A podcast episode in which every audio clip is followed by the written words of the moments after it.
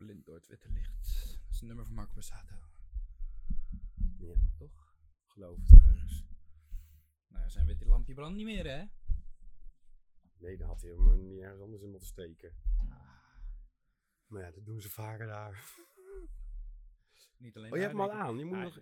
Ja, maar dat- wil, wil jij het doen? Wil jij, wil Nee, jij nee, de- dat durf ik niet meer. Ik red de Nee. volgende keer zo op mijn flikker. En terecht. Ja, Ja. was mijn ding niet. Maar ja, Nee, maar het weet doen? nee. Oké. Nee, klap jij maar in je handjes. Blij, blij, blij. Op je boze bolletje. Alle bij. Kansloos.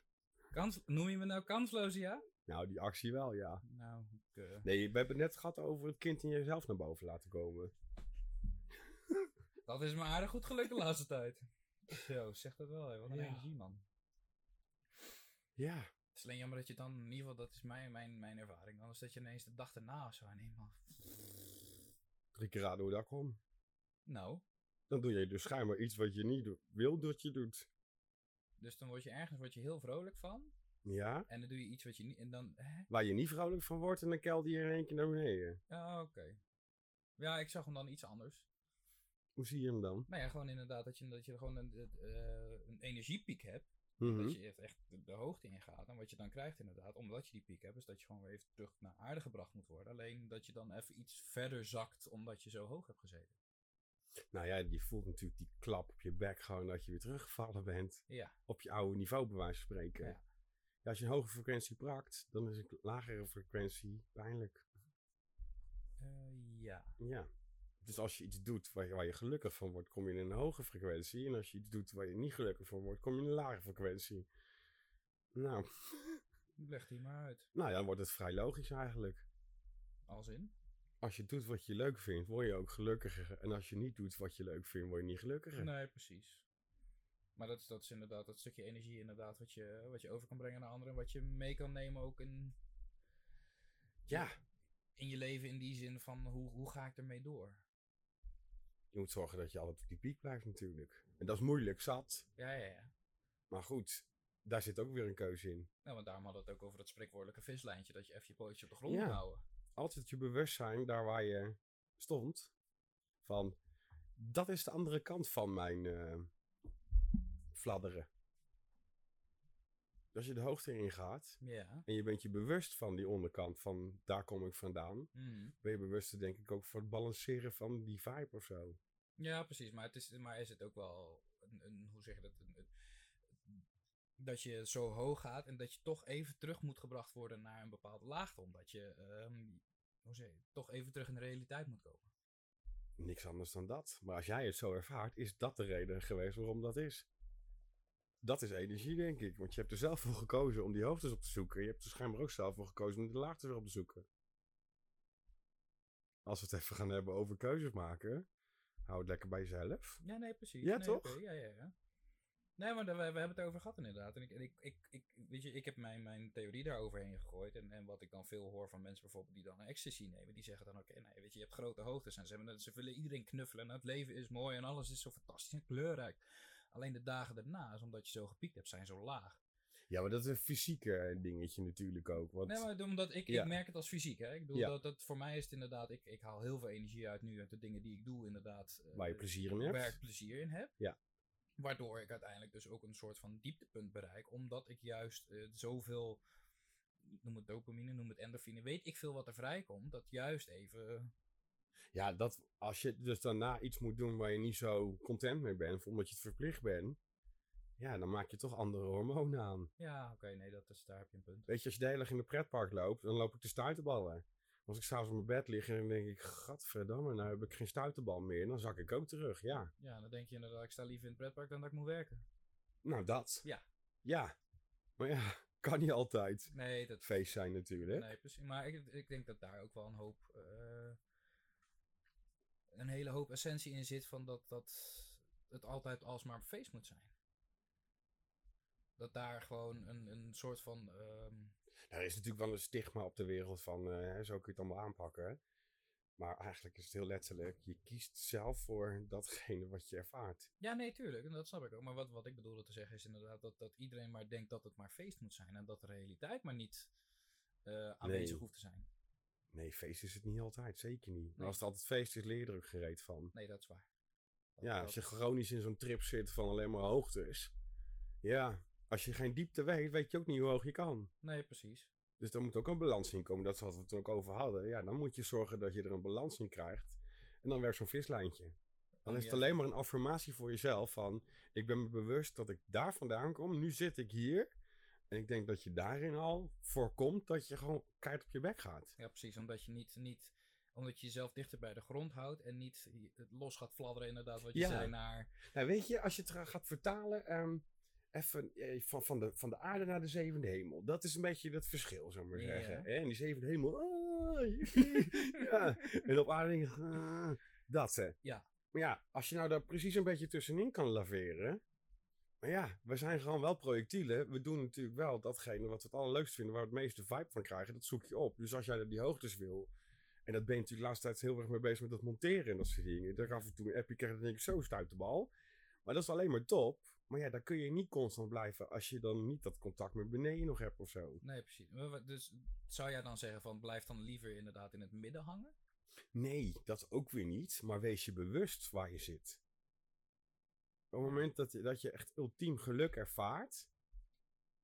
Ja, daar moet ik even over nadenken hoor. Nou ja, weet je, ik, Ja. ik, ik, ik, ik, er gaan, er gaan, ik heb hele, of ik wil een hele filosofische gedachten daarover. Is, ehm, vroeger, ik praat, dan, dan heb ik het over inderdaad zeg drie jaar geleden, dan, dan leef je je leven zoals je leeft. Je doet je dingen waar je gelukkig van wordt, in ieder geval waarvan je denkt dat je gelukkig wordt. En eh, je gaat je, je, je, je sport, je werkt, je, je, hebt sociaal leven, je hebt misschien een vriendin of weet ik veel allemaal. Dus, dus het, het, het is allemaal content, het is allemaal Ja, goed. En- Tevreden. tevreden. En dan kom ik toch weer terug even op het feit dat ik een heel diep dal heb gehad.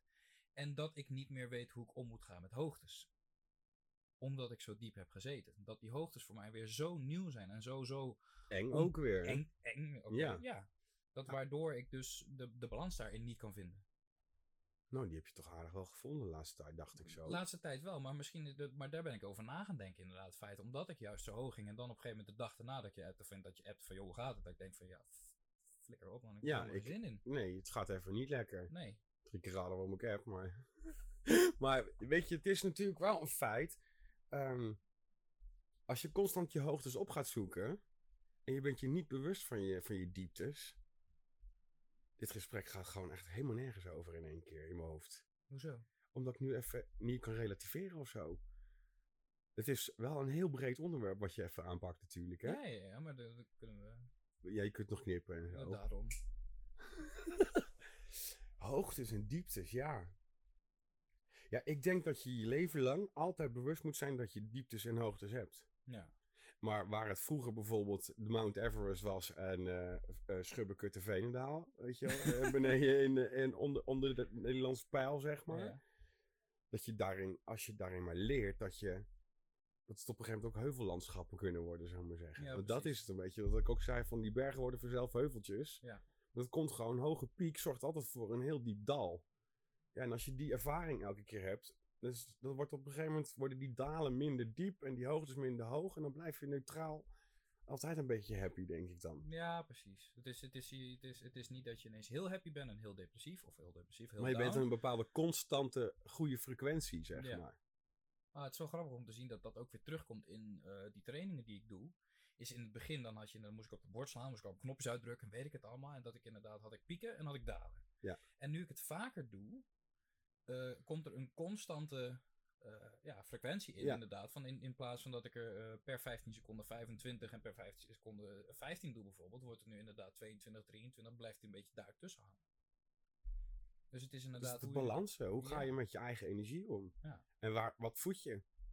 Weet je, mensen zeggen ook altijd, het gras is altijd groener bij de andere kant. Ja, ligt maar net aan hoeveel water je eigen je gezond geeft. Ja, precies. Heel simpel. Hou het lekker bij jezelf. Ja. Want daar word je dus gelukkig van. En natuurlijk is het gras overal altijd groener. Maar ja, misschien gooi je er hun de kunstmest op. Of ligt er gewoon nep gras. Daar kan ook nog, hoef je Ja. niet voor te zorgen. Maar dat betekent wel dat je je eigen gezondheid er niet bijgehouden hebt. Nee. Dus ja, dan is, het, dan is de andere kant van het water altijd leuker. Ja. Als je een dorre voortuin hebt, ja, dan ging ik het ook zoeken. Maar je kan hem ook gewoon nieuw zaaien en er een keer een pot schijt overheen gooien en groei maar weer. Dat zijn alweer leuke vergelijkingen. Ik krijg een momentje stront terug. Waarom gebeurt dit nou altijd? Nou ja, misschien, misschien moet je inderdaad de stront die je hebt inderdaad gewoon eens even je- over je gezond heen gooien. Eigen gezondetje, dan wordt je gras vanzelf groener. Ja. Ja, is goede mest hoor, je eigen stront. ja, in realiteit is dit natuurlijk wel heel plat als je het in één keer zou horen. Maar Nee, nee, maar als je... Als je er zit echt wel een goede diepe laag in. Ja, maar ik denk als je inderdaad gaat kijken naar hoe de meeste mensen dan communiceren. En het, het wordt allemaal zo moeilijk gedaan en allemaal moeilijke woorden gebruikt. En het wordt allemaal Ja. zo mooi gemaakt en zo politiek. Lekker politiek correct. Juist. In, en dan gewoon inderdaad zeggen hoe het is. Dat, dat, ja. Nou ja, dat zei je van de week zelf ook. Dat je sommige mensen confronteert met jouw eerlijkheid en jouw Ja. waarheid. En dat ze dan in één keer, ja maar, ja weet je, ja maar is voor mij de grootste dooddoener. Want dat betekent een excuus gaan verzinnen voor jezelf. Maar ja, maar is nee. Ja maar is gewoon, ik weet eigenlijk niet hoe ik anders moet antwoorden. Nee. Punt. Ja, ik vond het laatst ook wel mooi dat ik eentje hoorde die zei van eh, als je inderdaad in discussie gaat met iemand, of dat iemand inderdaad een ja-maar geneigd gaat gooien. Dus als je in discussie gaat, zorg dat je altijd eh, drie argumenten hebt. Die in die zin in jouw voordeel zijn. Ook weet je dat je hebt, je hebt in die zin gelijk. En dat is misschien heel, heel banaal om zo te zeggen. Maar je hebt gelijk. Zorg dat je drie argumenten hebt. Waarom? Want bij argument 1 kunnen ze er nog altijd tegen ingaan. Argument 2 is het toch wel zoiets van. Oh Hmm, shit. Hoe ga ik hier nou nog even overheen? En bij argument 3 is het klaar. Ja, dus als je het goed kan onderbouwen, je iemand zo onder tafel. Juist. Ja. Dus als iemand met onzin komt, kan je altijd die onzin omdraaien naar iets wat daadwerkelijk zo is. Ja, je maakt het reëel voor die mensen. Ja. En datgene wat ze op jou projecteren, dat is dat wat ik, je krijgt een bak stront, je vouwt er een vierkant pakket van, maar je moet het teruggeven. Hmm. Ja, letterlijk, dat doe je met de waarheid ook. Als Ja. jij mij een bepaalde waarheid zit te vertellen, wat, ja prima, maar eh, dat is jouw waarheid, punt, hier heb ik hem terug. Oeh. Dat is hem natuurlijk Ja. ook. Maar dat is moeilijk hoor, de waarheid vertellen. Waarheid vertellen is heel moeilijk, waarheid horen is heel erg lastig. Maar in essentie, je kunt er nog zo lang omheen lullen. Die klap krijg je toch wel een keer. Ja. Ja, maar. Ja, maar. Ja, Maar, ik- maar. Ik, ik, ik, luister, ik luister gewoon de laatste heel veel dingen die, en die, die zie je gewoon terugkomen in het dagelijks leven. Inderdaad, is bijvoorbeeld is dat, je, dat je, je begint iets met een kleine leugen. Dus, dus inderdaad, van, eh, dat je zegt, inderdaad, waar ben je gisteravond geweest? En dat ik dan tegen je zeg, van, nou, ik ben gaan bowlen en, en, en, en ik ben in principe heel iets anders gaan doen. En dan inderdaad vraag je de volgende week, ja, hoe, hoe, hoe was dat bowlen? Hoe ging dat ook weer? Dat ik dan inderdaad ineens moet gaan nadenken, van, was ik gaan Eh, bowlen? Hè, wat? Ja, Dus, dus op een gegeven moment, als je één leugen maakt, of ook hoe klein die ook is, op een gegeven moment wordt het echt een, een, een soort van een web, Web. Van, van leugens. En dat je, dat je op een gegeven moment maar aan het bedenken bent, hoe ga ik dit volhouden, hoe ga ik dit volhouden? Totdat je inderdaad krijgt ineens van, eh, één ding. In En- elk web van leugens loopt een spin. En de waarheid komt altijd op tafel. Ja. Lang of kort kun je erop wachten. Hij komt op tafel. En dan zul je alsnog de consequenties moeten dragen. Ja, dus dan kun je lullen waar je wil. Hoe moeilijker je het zelf maakt, hoe meer je de waarheid op, eh, op, je, op je gezicht krijgt, denk ik. ja. En ik merk ook wel, inderdaad, dus als ik nu, ik, ik wil niet zeggen dat als ik wat ik zeg wat ik denk, want dat is misschien, dat is net even iets te, want ik kan inderdaad zeggen, ik zeg wat ik denk, ik vind jou een klootzak. Maar ik kan ook gewoon zeggen van, nou ja, ik zeg in die zin wat ik vind en ik ben daar eerlijk in. Dan word ik daarvoor veel meer gerespecteerd dan dat ik zeg van, ja, ik moet even, weet je... hm, Ja, weet je, je kunt op twee manieren communiceren. Je kunt iemand toelopen en die helemaal niks van weet en zeggen: Jij, ik vind jou een teringleier. Ja. Dat is een mening die je mag vinden. Maar als jij op een andere manier benadert: van ja, moet je luisteren, ik ben mijn type gewoon, ik vind je gewoon een teringleier. Maar goed, neem niet weg dat ik je voor de rest eh, tolereer. Dat is een hele andere benadering. ja, precies. Maar je zegt precies hetzelfde. Ja. Ja, dan kom je weer met communicatie. Hoe eerlijk wil je het hebben? Ik kan er omheen gaan lullen, maar ik kan het ook gewoon zeggen. Ja, maar communicatie, communicatie tegenwoordig, Ja, weet je, hè? Hoe, hoe communiceren we tegenwoordig? Met symbolen en emoticons en eh, en eh, weet ik het allemaal. Jij ken vind ze je- allemaal niet. nou ja, LOL en laughing my ass off. Dan denk je, ja. ja, en die, van die vage Veense spreekwoorden, dat je denkt van, wat lult die nou weer? Nou, ik heb nog even rondgevraagd over de, de koe in de reet kijken. Dat is een heel normaal spreekwoord. Nee, nee, nee, dat, dat, dat, dat Ja. die, had, die had ik nog nooit gehoord, maar dat is inderdaad waar. ja. Dat is niet Veens, dat is gewoon een... eh, Maar dat is niet wat je op school leert hoor, vind ik wel een beetje jammer. nee, maar ja. Wat je op school leert, heeft toch geen reet dan. Niet veel. Nou, het ligt eraan wat je doet. Ja, het ligt eraan wat je doet. Als je maar doet wat je leuk vindt. Maar als wat niet leuk is, sla je toch ook niet op. Nee, dat is waar. Nee, ik, er was laatst ook eentje, ehm, als, je, als je lui bent, dus als je geen zin hebt om iets te doen, betekent het gewoon niet dat je het leuk vindt.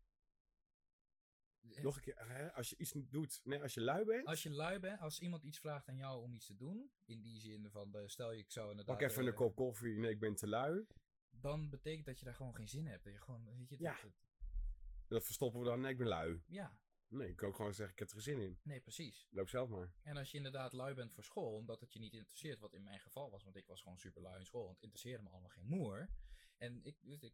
Het voedde je niet. het, dus... voedde, het me niet. Dus, we- dus Oh, goed dat je dat durfscherm erop hebt. Ik had consumptie. nou, een nieuw microfoontje aan het einde van de sessie. nee, nee, nee, valt mee. Nee, du- dus Ja. Maar daar zit hem het dan al in. Dus Ja. als je niet gevoed wordt in energie, ook weer dat. Hè. Als jij stof volgekoud krijgt, dat je denkt, je moet chummapel en tutapel. En dan denk je, ja, tief op, heb ik geen zin in. tamer un grande moustache. Ja.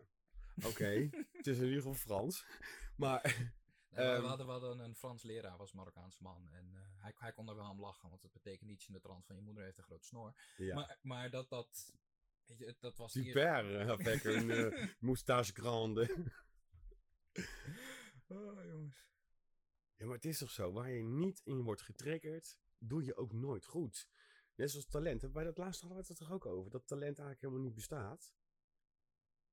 Nou, die discussie heb ik best vaak gehad met mensen inderdaad over Ja, talent is datgene wat je het allerleukste vindt om te doen en waar je zoveel in geoefend hebt, dat je er heel goed in bent Ja, geworden. en je kan aanleg hebben, want daar zit een Ja, verschil. je kan inderdaad aanleg hebben. Ik bedoel, je, eh, je, hebt, je hebt mensen die, die, zoals wij bijvoorbeeld, de creatieve kant op gaan. Je hebt mensen inderdaad die daadwerkelijk de logische kant op gaan, die daar aanleg in hebben.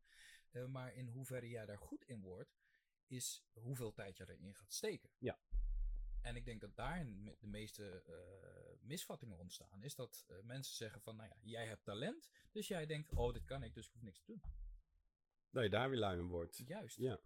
Dus daarom, ik heb die discussie heb ik ook best wel vaak gehad. Of de, de, nou, vaak. Ik heb die discussie gehad op de golfbaan inderdaad. Het verschil tussen talent en aanleg. En dat mensen zeggen, ja, mijn kind heeft talent. En dan denk ik, gebruik dat woord niet. Want eh, juist door zo'n zo'n zo'n klein woord eigenlijk, wat zoveel betekenis heeft, kan zoveel impact hebben op wat je gaat doen. Feit. En wat is dan talent? Juist. Wat is, wat is de vertaling van talent? Weet jij de definitie van talent? Nee. Ik ook niet. ja, ik zou hem bijna opzoeken. Doe eens gek. De definitie van talent. Zo, lekker achter de schermen dit ook. Hij heeft wel zijn telefoon op stilstaan, hè? dus niet dat we dan tussendoor gestoord worden. Maar het is wel handig dit. Talent. Ik wist dat ik hem daarin moest leggen. Definitie. Het woordenboek.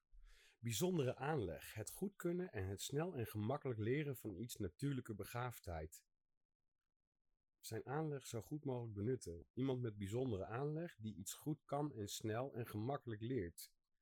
Oké, dus dan kom je Bij weer- de oude Grieken een bepaald gewicht. Oh, nou, dat is dan weer wat anders. Dat is dan weer totaal de andere kant op. Maar dan heb je het weer over aanleg. Het, is al, het gaat allemaal over aanleg. Je- maar een voorkeur is het eigenlijk. Ja. Eigenlijk is het gewoon een voorkeur. Ik vond het eh, vroeger leuk om. eh, nou ja, eh, laat mij lekker knutselen. Dat vond ik leuk. In de tuinvroeten vond ik leuk. En weet ik het allemaal. En ineens denk je, ik ga kapper worden. En dat ging me ook fucking makkelijk af, omdat ik het leuk vond. Ja. En nog steeds. Dat kost me dan geen moeite. Omdat ik er ook al heel lang op geoefend heb. Nee, maar, maar dat is het ook. En, Ja. en daarin missen we tegenwoordig denk ik een hoop dingen. En, het is gewoon dat, dat, dat oefenen, het, het, het willen blijven doen van. Maar ook de vraag, doe je wat je leuk vindt? Want hoeveel mensen gaan er niet met zo'n bek naar hun werk toe, omdat ze eigenlijk iets doen wat ze helemaal niet leuk vinden? Dus je hebt een talent verkozen waar je dan eventueel goed in bent, hè, waar je geld mee kan verdienen, maar je hebt er geen, geen plezier in. Ja, en dan? En dan. Jij hebt die keuze gemaakt om dat werk te doen. En je kan altijd de keuze maken om juist die goede kant op te gaan. Om juist die goede energie op te zoeken. Nou, om- weet je nog vorig jaar dat ik jou, toen ik jou over die foto, weet je, dat met dat foto uit Corfu toen, met dat jongetje? die- dat jochie, ja? dat ik in één keer tegen je zei, waarom doe je daar niks mee? Met jouw visie, weet je nog, dat ik Ja, dat ja, die ja. vertaling op die foto zo mooi vond. Nou ja, bam. Dat zit, dat is een talent van je, een aanleg, Een aanleg. een aanleg die je nu ontwikkeld hebt naar een talent. Ja. Wat we dan noemen talent. Is gewoon een stuiterbal aanleg. Want dat voedt je enorm. Ja. En daar zit het hem, denk ik. Als je iets doet wat je leuk vindt, voedt het je en krijg je energie. Dan is alles leuker. Ja, precies. Dan Ja. is je perceptie op de wereld ook veel leuker. Ja, want als je inderdaad maar constant in het gevoel zit van ik vind het niet leuk, ik vind het niet leuk. Dus je praat jezelf naar beneden, naar beneden, naar beneden, naar beneden, naar beneden. Dan is eigenlijk alles kut. Je kunt jezelf echt gewoon serieus ziek lullen. Ja. Je kunt jezelf ook serieus beter lullen dan. Ja. Het is maar net hoe je er tegenaan je kind in die sfeer gaan zitten. Ja, dat is je eigen keuze. Het is, dit, we zetten dit natuurlijk wel heel erg zwart-wit neer te zetten, hè? Omdat het essentieel is, zeg maar. Er zitten natuurlijk heel veel lagen in. Maar uiteindelijk komt het wel op neer, doe je wat je leuk vindt. Ja. En krijg je er de energie van die je nodig hebt om, om het leven leuk te vinden. Ja, en serieus, als je vijf dagen van de, van, ja, thuis komt met zo'n smoelwerk dat je denkt, ik heb er echt geen zin meer in. Ga alsjeblieft solliciteren en ga dingen doen die je wel leuk vindt. Hmm. Weet je wat, mensen die van hun hobby hun werk gemaakt hebben, dat wordt door iedereen altijd helemaal geadoreerd. Toch? Ja, dat klopt. Dat heb ik ook gemerkt inderdaad. Ik ben, ik ben met, met golf begonnen als, als afleiding voor liefdesverdriet. Heel simpel. Oké, je wou het. het er even uitslaan. Ik wou, het, ik wou het er letterlijk uitslaan. En uiteindelijk heb ik er mijn werk van gemaakt. Alleen, ik heb er in dusver zover veel mijn werk van gemaakt, dat ik er op een gegeven moment helemaal klaar mee was. Toen heb je het waarschijnlijk overgestimuleerd. Of misschien iets gezocht in de- dat talent dat je niet meer kon vinden in dat talent. Ja. En toen kwam er een andere vorm van aanleg nog een keertje voorbij. En daar vind je nu in één keer eh, heel veel energie in. Ding, ding, ding, ding, ding. Maar dat, dat, dat is wel wat ik merk in, in alles wat ik doe trouwens. Hoor. Dus, dus ik heb inderdaad dan een periode dan dat ik, eh, de- vind ik golf heel fantastisch. En dan, dan ga ik me daarop instorten, eh, op storten. En dan vind, vind ik weer iets anders leuk. En dan ga ik me daarop. En, en, en daarin moet, zal ik mijn balans in moeten vinden. Maar het is allemaal keuzes. Waar Ja. ga je je aandacht aan geven? Welk grasveldje ga jij water geven? Ja, Ja, precies. je kunt ze ook alle drie een beetje water geven. Alleen dan word je in alle drie maar eh, middelmatig. Nou, dan blijf je een beetje van dat eh, bruinige gras houden. Ja. Ja, of je moet zoveel water bij je hebben dat je ze alle drie zo over kan vloeien met water. Hè? Dan is het een ander, verhaaltje. Maar op een gegeven moment raakt ook het gietertje leeg dan. Moet je een waterpomp aanleggen. Zo dom gelul Even dit. Ox- Oxfam Novib bellen van, joh, ik heb een waterpomp Ik heb een nodig. waterpump nodig. Oh, serieus. Nee, dat, die kant mochten we niet opgaan. Maar ja, zo blijkt maar wel weer, inderdaad. Doe je wat je leuk vindt. Ja. Geeft het je energie. En ehm, ben je daarin ook naar anderen dan ook leuk. Ik heb echt wel zo... Ik heb natuurlijk veel mensen in de zaak. En ik hoor Mm. heel veel verhalen. En ik zie natuurlijk heus wel hoe ze erom gebukt gaan soms.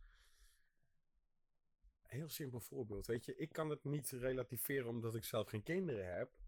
En wil. Maar ehm, als je dan zo'n moeder denkt, "Eh, die kinderen, ik word er helemaal moe van. Dan denk ik, ja, daar nou springen tussen je knieën moeten houden. Het is wel een keuze, dat weet je toch van tevoren. Ja. En maar klagen en maar klagen, maar daarin verandert er dan niks. Je moet het accepteren, dat hoort er even bij.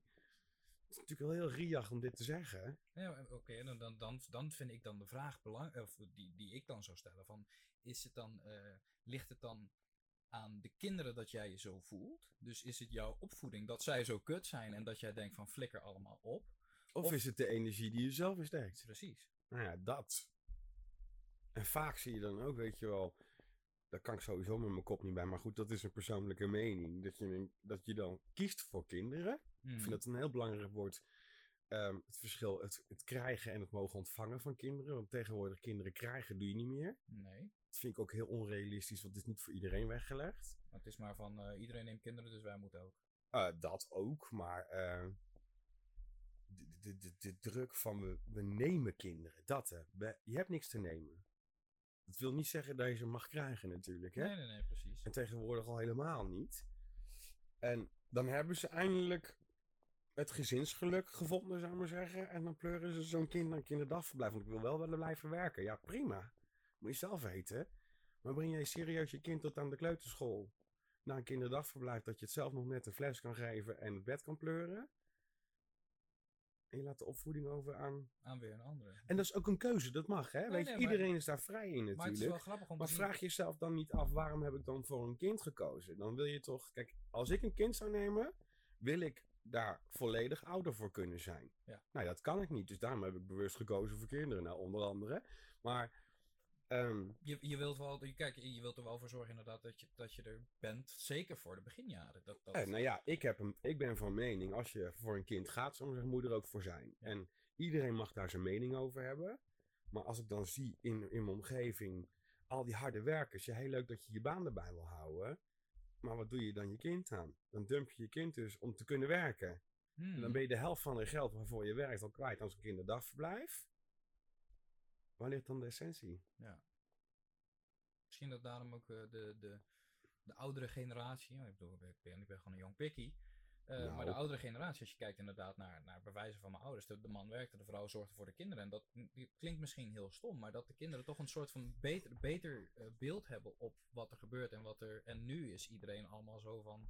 eh, gaan allemaal, ja, ik weet niet eens hoe ik het moet uitleggen, maar iedereen gaat zijn eigen weg en het interesseert ze allemaal niet. En er zit geen, er zit geen empathisch vermogen in. Er zit geen, er zit, liefde is bijna ver te zoeken. Nee, dat is natuurlijk sowieso waar, waar heel veel millennials ook last van hebben, dat soort dingen natuurlijk. Vroeger had je nog die essentie van, oké, we nemen de verantwoording voor een kind, willen we er ook zijn voor een kind. Ja. Bij mij thuis was het vroeger dat mijn vader thuis was en mijn moeder werkte. Ehm, maar er was altijd iemand thuis. Ja. Als wij uit school kwamen, was er iemand thuis. En ze hebben mij ook nooit weggebracht naar een kinderdagverblijf. Dus ja, in mijn beleving heb ik natuurlijk daarin gewoon een, een heel normale opvoeding genoten, zou ik maar zeggen. Ja. Maar ik hoor zo vaak van ja, en we moeten natuurlijk ook heel veel. Hè? We hebben het idee dat we heel veel moeten. eh, dat je wel een baan erbij moet hebben, want die pampers zijn niet te betalen. Is natuurlijk ook wel weer een dingetje. Mm, absoluut. Maar ik zie ook heel veel van die carrière types van ja, maar weet je, als ik er nou mee wacht, dan duurt het weer zo lang en dan kan het misschien straks niet meer, laat ik het nu maar doen. Dat komt me eigenlijk niet uit en vanwege mijn carrière. Ja, daar zul je wel een keuze moeten maken. Ja. Kijk, En, als jij je kind zes dagen naar een kinderdagverblijf doet of dan oppas, hey, wie ben ik om daarover te oordelen? Ik zou er alleen niet van kiezen Nee, omdat ik zelf genoten heb van een ouder die altijd thuis was. Ja. En ik zag mijn moeder natuurlijk ook regelmatig. Dus ik kan me niet voorstellen dat mijn ouders er nooit waren. En dat ik dan de hele dag. Want ik vond overblijven vond ik verschrikkelijk. Als ik al een keer moest overblijven, vond ik dat verschrikkelijk. dat is, ik, ik kan me weinig herinneren uit die tijd. Maar ik weet nog wel dat ik twee keer moeten overblijven. Vond ik verschrikkelijk. Ik wilde gewoon thuis mijn broodje binnen de kaas. En niet zo'n klef zakje op school. Nee, precies. Weet je wel? Voor mij, voor mij was het handig om te overblijven, want anders moest ik dat hele pleurisend naar huis fietsen en dan weer terug. Dat, dat werd niks voor mij. Ja, daarin ook weer zo'n dingetje. Zo van ja. En en in die zin, ik mag, ik mag denk ik niet klagen over mijn opvoeding, want ik ben inderdaad ook niet naar de kinderdagblijf gebracht. En eh, wij waren, mijn ouders waren altijd thuis, omdat ze natuurlijk de zaken in huis hadden. En wij waren, weet je, wij waren gewoon thuis. Ja. Dus, dus, dus ja, Daar heb je een bepaalde veiligheid mee gekregen. En Ja, dat zie ik in de generatie nu af en toe een beetje wegvallen. Dat Ik denk, ja, koop je je kind niet af met een tientje, hier gaan we wat leuks doen. ja, maar het is makkelijk. Ja, maar kijk ook hoe dat nu gaat. Vroeger had je geen tablet of televisie. Nou, ik, ik zou het je nog beter vertellen. Ik, Oh. was, ik was gisteren in de IKEA. Ja. En vroeger, als mijn moeder dan een die, die had dan een mobiel en ik was een jaar of 12, 13 en die, die dan, dan was, dan had ik die vast. En dan wat ik dan te horen kreeg, is niet laten vallen. Hè? La- ik bedoel, dan, dan, dan gaat die stuk. Dan, dan leg maar Mhm. gewoon neer. Leg maar. Ik loop gisteren door de IKEA heen. Er zit zo'n kleine kleuter zit in eh, de winkelwagen met een telefoon in de hand. Waarom? Om maar ervoor te zorgen, denk ik, en dat is, dat is, mijn- dat is mijn, idee daarop, eh, dat hij mij niet stoort. Ja. Dus het hele idee van. Geef ze maar een tablet, daar heb je geen last van. Precies. En bij mij was het inderdaad als ik een telefoon vast had. En ik zei het ook tegen mijn maag gisteren. Ik zeg, als ik een telefoon vast had, ik zeg op die leeftijd, ik zeg, nou, dat moesten jullie niet hebben. Nee. Ik zeg, er werd in mijn klauwen gegrist, want wat als ik het nou laat vallen? En nu zitten ze met 2,5 jaar met zo'n tablet en dan weten ze de weg al. Want dat is de nieuwe oppas geworden. Ja. En oké, misschien moeten we daar wel mee met de tijd of zo, maar ik ben net, ook net in die trein. Dan zit ik een uur in die trein en dan zie ik iedereen serieus compleet schil naar zijn telefoon kijken. Overal waar je kijkt, iedereen zit in zijn telefoon. Ja. Niemand kijkt me meer- meer aan. Er zat één heel oud dametje, die had geen telefoon. Die zat echt serieus heel stuurloos te kijken van wat moet ik nu doen? Met wie moet ik gaan praten? Met wie moet ik gaan praten? Ja. En daarin zit wel die verharding en de digitalisering van de mens ook. Want we worden net zo, eigenlijk een soort van robot gemaakt. Hmm. Getraind in eh, eh, dat, dat hele apparaat, dat houdt jou de hele dag bezig. Ja. En het is zo. Want serieus, als ik na een half uur naar buiten heb gekeken, dan heb ik al die strontboeren wel gezien in de trein. Dan denk ik, nou, zet nog even een spelletje op of zo. Ja, Of even muziekje aan. Ja, we zijn gewend geraakt aan entertainment, omdat we zelf geen invulling meer weten te geven. Maar daarin, en dat is, dat, is, en dat is misschien een hele andere kant in van het verhaal, is dat je, dat je nu wel merkt, in ieder geval dat merk jij en dat, dat zie ik ook, is dat er een soort van shift aan het komen Ja. is in. ik merk in mijn eigen omgeving, en dat heb jij ook al aangegeven, dat er gewoon dat je zo bewust gaat worden van wat is goed voor mij en wat is niet goed voor me. Ja. En dat je daar ook veel makkelijker keuzes in kan maken wat niet goed voor me is, wat me dus niet meer dient, zet ik gewoon helemaal buiten mijn wereldje. Ja, precies. En wat me wel dient, mag er blijven staan. Zolang het maar, ja, zolang het me maar dient. Zolang je er maar gewoon weer die positieve vibe, die positieve energie Ja, als je op die hoge frequentie kan blijven, door, door situaties of door personen, hou het. Ja, precies. Maar trekt een situatie of een persoon je naar beneden, lose it. Klaar. Want ik heb er heel hard lang voor gevochten. Ik heb natuurlijk best wel wat vrienden versleten in mijn leven. Kijk, ik heb, ik heb een leuke carrière al achter de rug. Ik had op een gegeven moment mijn naam wel gebouwd. Zat natuurlijk in de showbiz. Ik krijg hele leuke vrienden voor. Ik zie er geen een meer. Nee, want die, nee. Want die komen eigenlijk alleen maar op jouw lampje mee varen. Want jij hebt wat van je leven gemaakt. Mhm. Quote, quote. En als ik zie waar die mensen nu terecht zijn gekomen, dan denk ik, ja, maar je bent ook geen stap gegroeid. Jij bent blijven hangen daar. Terwijl ik doorging, omdat ik meer wilde. Ja. Dat, omdat die frequentie voor mij heel duidelijk was op een gegeven moment. Dat ik dacht, dit voedt mij. Mhm. Daarom had ik op een gegeven moment, na een paar jaar dat ik de salon had, was ik natuurlijk al een poosje showbiz uit. En op een gegeven moment kwam een collega tegen, Chris. En ehm, wij waren allebei eh, net in de twintig toen we dat wereldje inkwamen. En wij werkten toen voor hetzelfde bedrijf. En we kregen ook allebei dezelfde ellende met dat bedrijf toen de tijd. Waardoor we onze eigen weg zijn gaan pakken. En we zijn er allebei in gaan floreren. Ja. Zij heeft nu een bedrijf, zij doet alle grote shows van RTL. En dan kan ik zo onwijs trots zijn dat ik denk van ja, maar dat hebben we wel zelf gedaan. Weet je, dat is niet in de schoot geworpen. Nee, maar het feit dat jij nu tegen mij zegt, is dat jij er trots op bent dat ze dat heeft gedaan. Ja. Terwijl er negen andere mensen tegenover staan die zeggen, oh, ik, weet je, dat kan toch niet. Dat is, dat ik die- benijd haar die, daarin, die, die, bewijs die, van. heeft zich naar boven gepijpt, of weet ik veel wat. nee, nee, echt niet. Ja, maar dat, dat, dat is wel hoe de wereld in elkaar zit. Eh, Iedereen ja? is zo jaloers op, op Nou, dat. lampje van anderen. Ik weet nog heel goed dat ik dus op een gegeven moment... Ik kwam net dat wereldje binnen. Ik was serieus een plankje van 22. Scheidbang. Ik zei alleen maar ja. Want ik had er helemaal nog geen grote mond. Hmm. Die heb ik daar gekregen. En goed ook. Ja. Omdat ik voor mezelf wel op moest komen, zeg maar. Ik kreeg het toeval dat ik al vrij jong in die carrière, zou maar zeggen, in contact kwam met een BN'er die een nieuwe hersenlist zocht. Ik deed daar een soort van open sollicitatie door gewoon een proefopname met het te doen. En we raakten heel erg snel bevriend. En binnen twee weken werden de persfoto's gemaakt. En met dat haar ging ze in één keer de pers helemaal in. Dat ik op de televisie genoemd werd, in de bladen stond en weet ik het allemaal.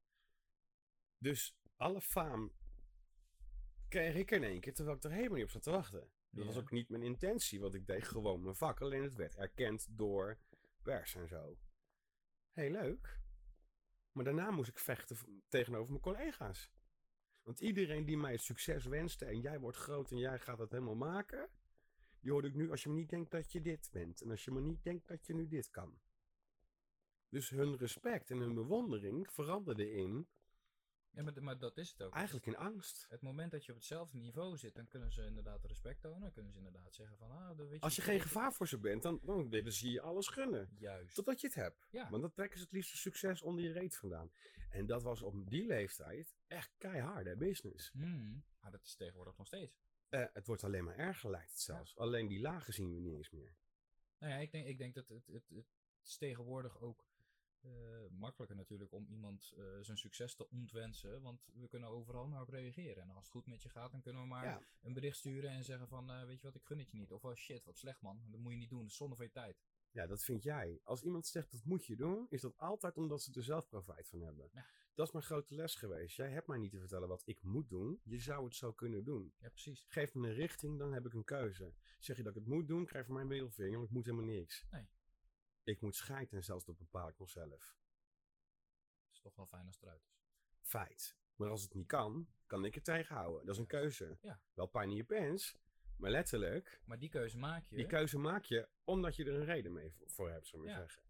Maar het feit is dat ik inderdaad Pris daarin kan benaderen. Dan denk ik, vrouwen, ben ik trots dat jij gewoon kaart doorgezet hebt. Een team verzameld heeft. En we kregen op een gegeven moment een, een videoclip samen te doen. En het was meteen oude jongens krentenbrood. Weer terug in die sfeer. En toen zei ik al tegen haar, ik mis het af en toe nog zo. Weet je, ik heb in de eerste shows van Idols en The Voice gestaan. Dus toen was het allemaal net nieuw. Ja. Ja, en toen heerste er nog een hele andere cultuur bij televisie. Ja, ik liep door die studio over het podium heen. Alsof ik zelf moest gaan zingen, bij wijze van spreken. Alleen niet met een camera erbij. Mhm. Maar ik was daar. Ja. En dat gaf me zo'n fucking vibe. Daar werd ik zo intens gelukkig van. Dat ik gewoon drie dagen daarna nog stuiterbalde. Want ik deed wel. Dat platform was natuurlijk te gek. Mhm. En toen kwam ik haar dus op die klus tegen.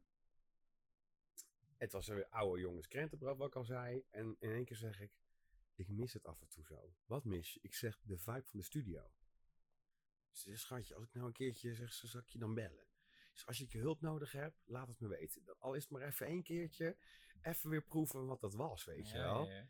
Want toen was het ook dag en nacht werkte ik in studio's. Ik sliep soms in mijn autootje voor Rose Garden 2,5 uur om bij de volgende studio aan het werk te gaan. Het was toch de meest briljante tijd uit mijn hele leven eigenlijk. Hmm. Ik was constant mijn droom aan het najagen. Ik wilde in die showbiz. Dat vond ik fantastisch. Alles glitter en praal en lampjes en nep. En ja, helemaal leuk.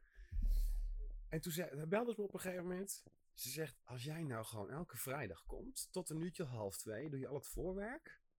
En dan doen wij de rest afmaken. Dat kan ik je bieden. Ik denk, ja weet je, het gaat me niet om het show-element van ik moet die erkenning van mensen hebben. Of ik hoef niet op de televisie. Als ik maar je gewoon wilt er weer... gewoon zijn. Je wilt Ik wilde gewoon weer even proeven wat het was Ja. om weer in die creatie te zitten. En toen kreeg ik de grootste deceptie van mijn leven. Ik kwam daar met mijn spulletjes. Helemaal leuk. Ik had er helemaal zin in natuurlijk. Want ik ken die studio ja, alsof ik er gisteren nog geweest was. Dus ik liep ook overal. Ken de helft van die mensen. Hé, hey, ben je er weer? Ja, ik ben er weer even. En ik kom in de dingen. En ik was wat vroeger als de rest. En er komt een redactioniste naar me toe. En in de hiërarchie eh, is een redactie heel erg belangrijk. Maar hij heeft geen beslissende factor. Ik hoef niks aan te nemen van redactie. Dat is Ja. productie. Of hoger. Tenminste, zo heb ik, daar, ik ben, daarin ben ik opgevoed. En er komt in één keer zo'n trutje van 21 van de redactie. Ja, ja, die moet krullen. Hoor je? Je moet krullen maken. Ik zeg, ja, dat is prima. Ik zeg, eh, maar eh, wie bepaalt dat? "Eh, wij. Ik zeg, wie zijn wij? De redactie. Ik zeg, nou, in mijn tijd komt een productieassistent of een productieleider naar me toe en vertelt me wat ik moet doen. Ik zeg, want ik sta niet in opdracht van jou, zeg ik tegen haar. Nou, ik krijg een smoel. Ik krijg serieus een smoel. Als ik zeg dat je krullen moet doen, heb je te doen. Ik zeg, nou, behaal jij dan maar je meerdere. Dan mag die het me vertellen, want voor jou neem ik niks aan. Dus daarin zag ik al, die wereld is veranderd. Hoe Ja. kan het dat een redactionist mij nu opdracht gaat geven? Dus die hiërarchie was anders. Komt dus productie inderdaad naar me toe? Wat is het probleem? Ik zeg, ja, ik zeg, er komt een vrouwtje van redactie. Ik zeg, met alle respect, prima. Maar die gaat mij even staan te vertellen wat ik hier moet doen. Ik zeg, ik heb eh, inmiddels 20 jaar ervaring in waar ik mee bezig ben. Ik zeg, ik sta al langer in de studio als dat het kind hier op aarde is. Ik zeg, eh, wat denk je zelf?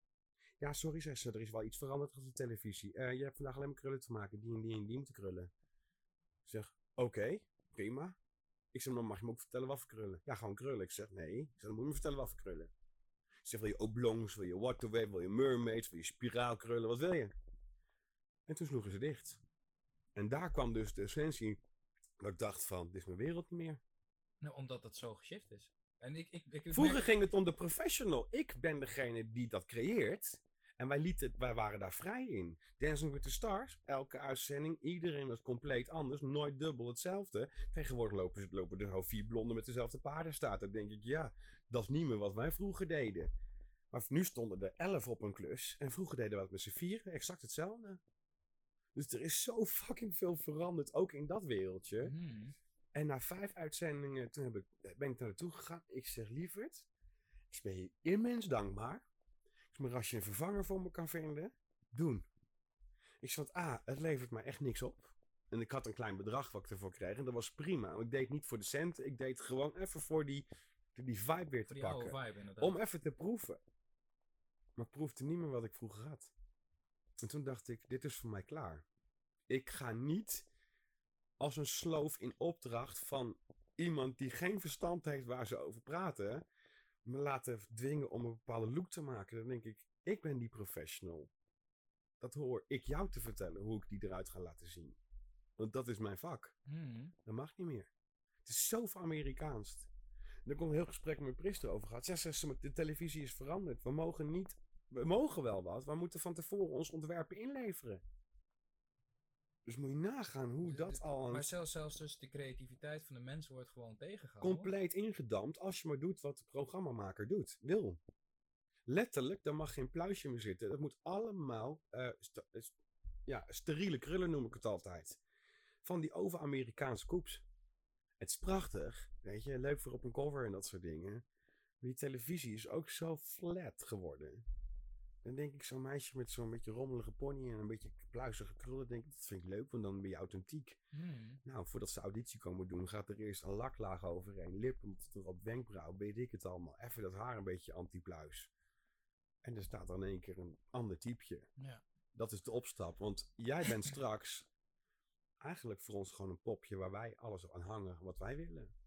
En dan zie je dus hoe die music industry en nou, kijk naar die grote namen, die zijn zo gevormd door een productiemaatschappij. Hmm. En, en uiteindelijk, wat komt er van die mensen allemaal terecht? Helemaal niks. Allemaal klappen ze in elkaar, omdat ze niet mogen zijn wie ze zijn. Miley Cyrus, pff, noem ze, eh, hoe heet zij nou? Die ook helemaal gek, Britney Spears, die helemaal gek werd op een gegeven moment. Vind je het gek? Sorry, maar je wordt sowieso gewoon geleefd dan.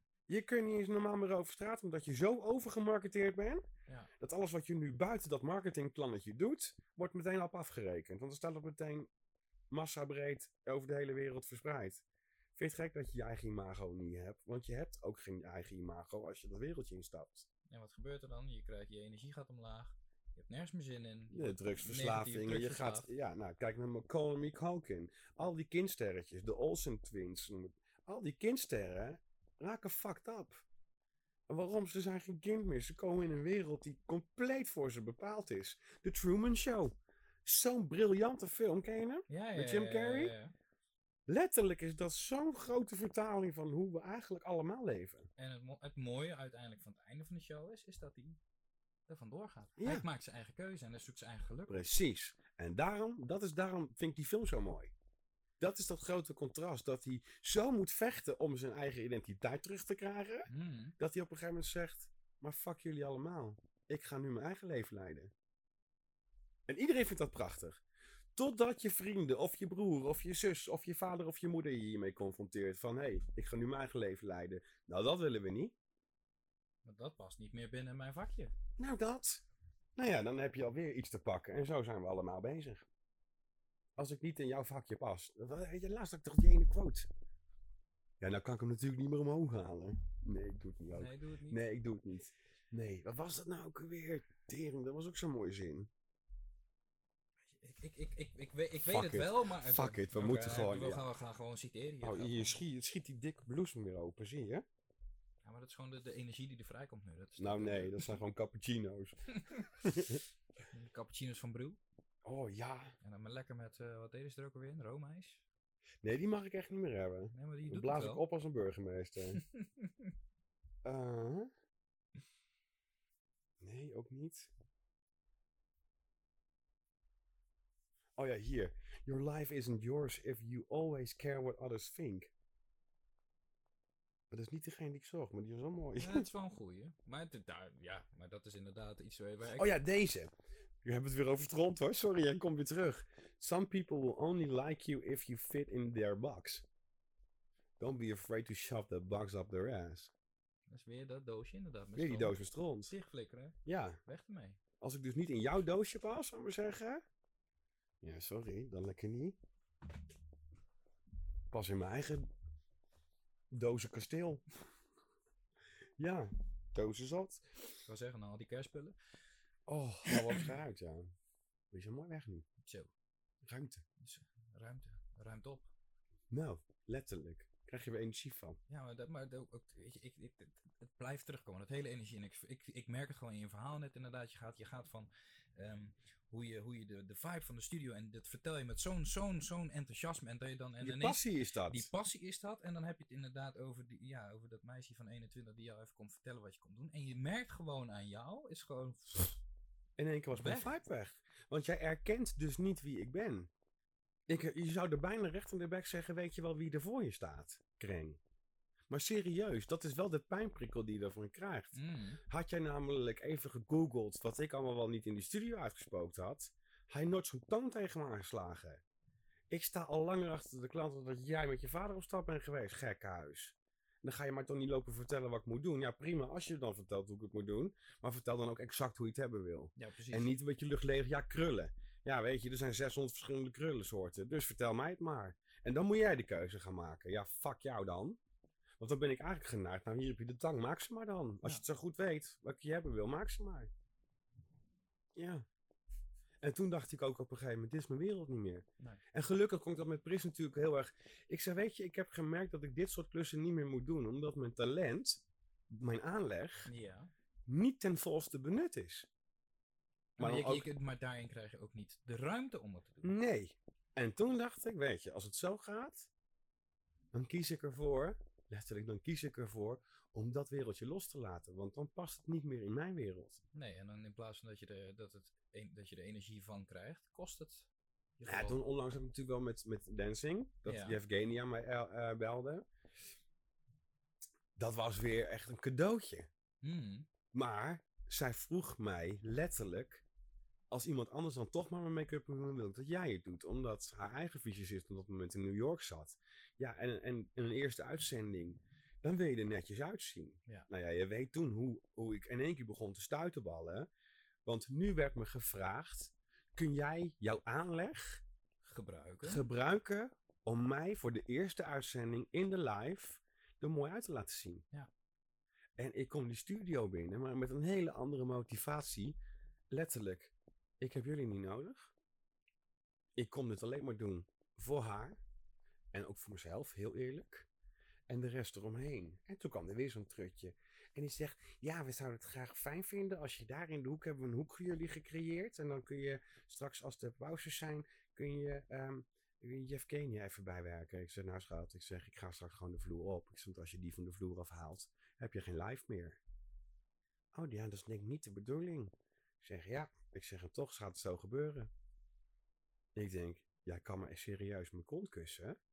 Het gaat nu zoals ik het wil, want ik weet hoe het hier werkt. Ik heb dat programma vijf, zes jaar gedraaid.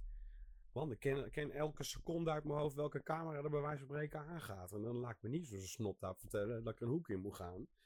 Ik denk, nou ja, ga maar mee.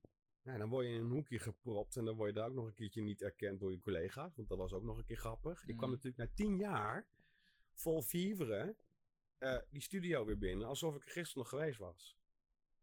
Maar nu was het mijn moment. Ik kom daar om mijn talent af te leveren bij één specifiek persoon. En die jou er specifiek Die mij heeft. specifiek erop gevraagd heeft, omdat ze weet wat ik kan. Ja. En de rest van jullie allemaal dikke vinger gaat erop zitten. En dat heeft me zo'n onwijze kick gegeven. En zeker omdat een van mijn grootste serpenten daar natuurlijk... Hij zag me. En toen dacht hij, oh kut, die is er dus ook. En de grap was dat ik hem met mijn talent op televisie duidelijk het verschil te zien was. Dat ik dacht van, ik heb niet alleen een statement naar mezelf gemaakt, maar ik heb ook een statement gemaakt naar dat hele team. Want dat meisje kwam op een gegeven moment, wat vind je er nou van, nu je het zo ervaart? Ik zeg, wil je het heel eerlijk weten? Ik zeg, of wil je een Endemol antwoord? Dat was toen de tijd al heel duidelijk. Wil je een eerlijk antwoord of een Endemol antwoord? Endemol was van, draai er maar iets omheen dat het leuk is. Ja, ja, ja. Dat is een RTL-antwoord, zou ik maar zeggen. Want eh, echte meningen, ja, Dennis hoor je. Nee, ik wou zeggen, Ja, Dennis, is wild. Ik zeg, ik vind het fantastisch. Ik vind het een goede vibe. Ik zeg, maar het is niet meer wat het vroeger was. Hoe bedoel je? Ik zeg, nou, ik zeg, als ik even kijk naar mijn eigen make-upje. Ik zeg, ik wil niemand absoluut niet naar beneden lullen. Maar als er dan aan, aan de jurytafel één zit die helemaal geshaped is en helemaal bam. Nou ja, je hebt het gezien, dat resultaat. Mm. En er zitten drie platgesminkte mensen naast. Ja, dat was voor mij de kick. Want de volgende dag kreeg ik gewoon aanvragen of ik tutorials wilde maken van dat haar. En hoe ik de make-up gedaan had. Terwijl de andere partijen er stond en werden getrokken van... eh heb ze wat aan zichzelf laten doen of zo, want ze zag er niet uit. En dan denk ik, moet je nagaan, na tien jaar... Ik word gevraagd om het talent te doen, dus omdat ik het met heel veel passie kan dan ook, zeg maar. Hij stond er ook binnen drie kwartier achter helemaal in haar en de make-up. Maar waarom? Ik, ken dat, ik kende haar. Ik wist, ik zei Dancing 2019 of 2009? 2009. Dus de oude theatrale make-up. En daarin zie je alweer dat het make-up team, ook weer Shook Mama, fantastisch team. Mhm. Echt fantastische make-ups. Alleen het is niet de make-up waarvan ik vroeger wist, dat is dancing make-up. Dancing was theatraal, dat was groots, hè? dat moet Ja, ja, natuurlijk ja. overal gezien worden.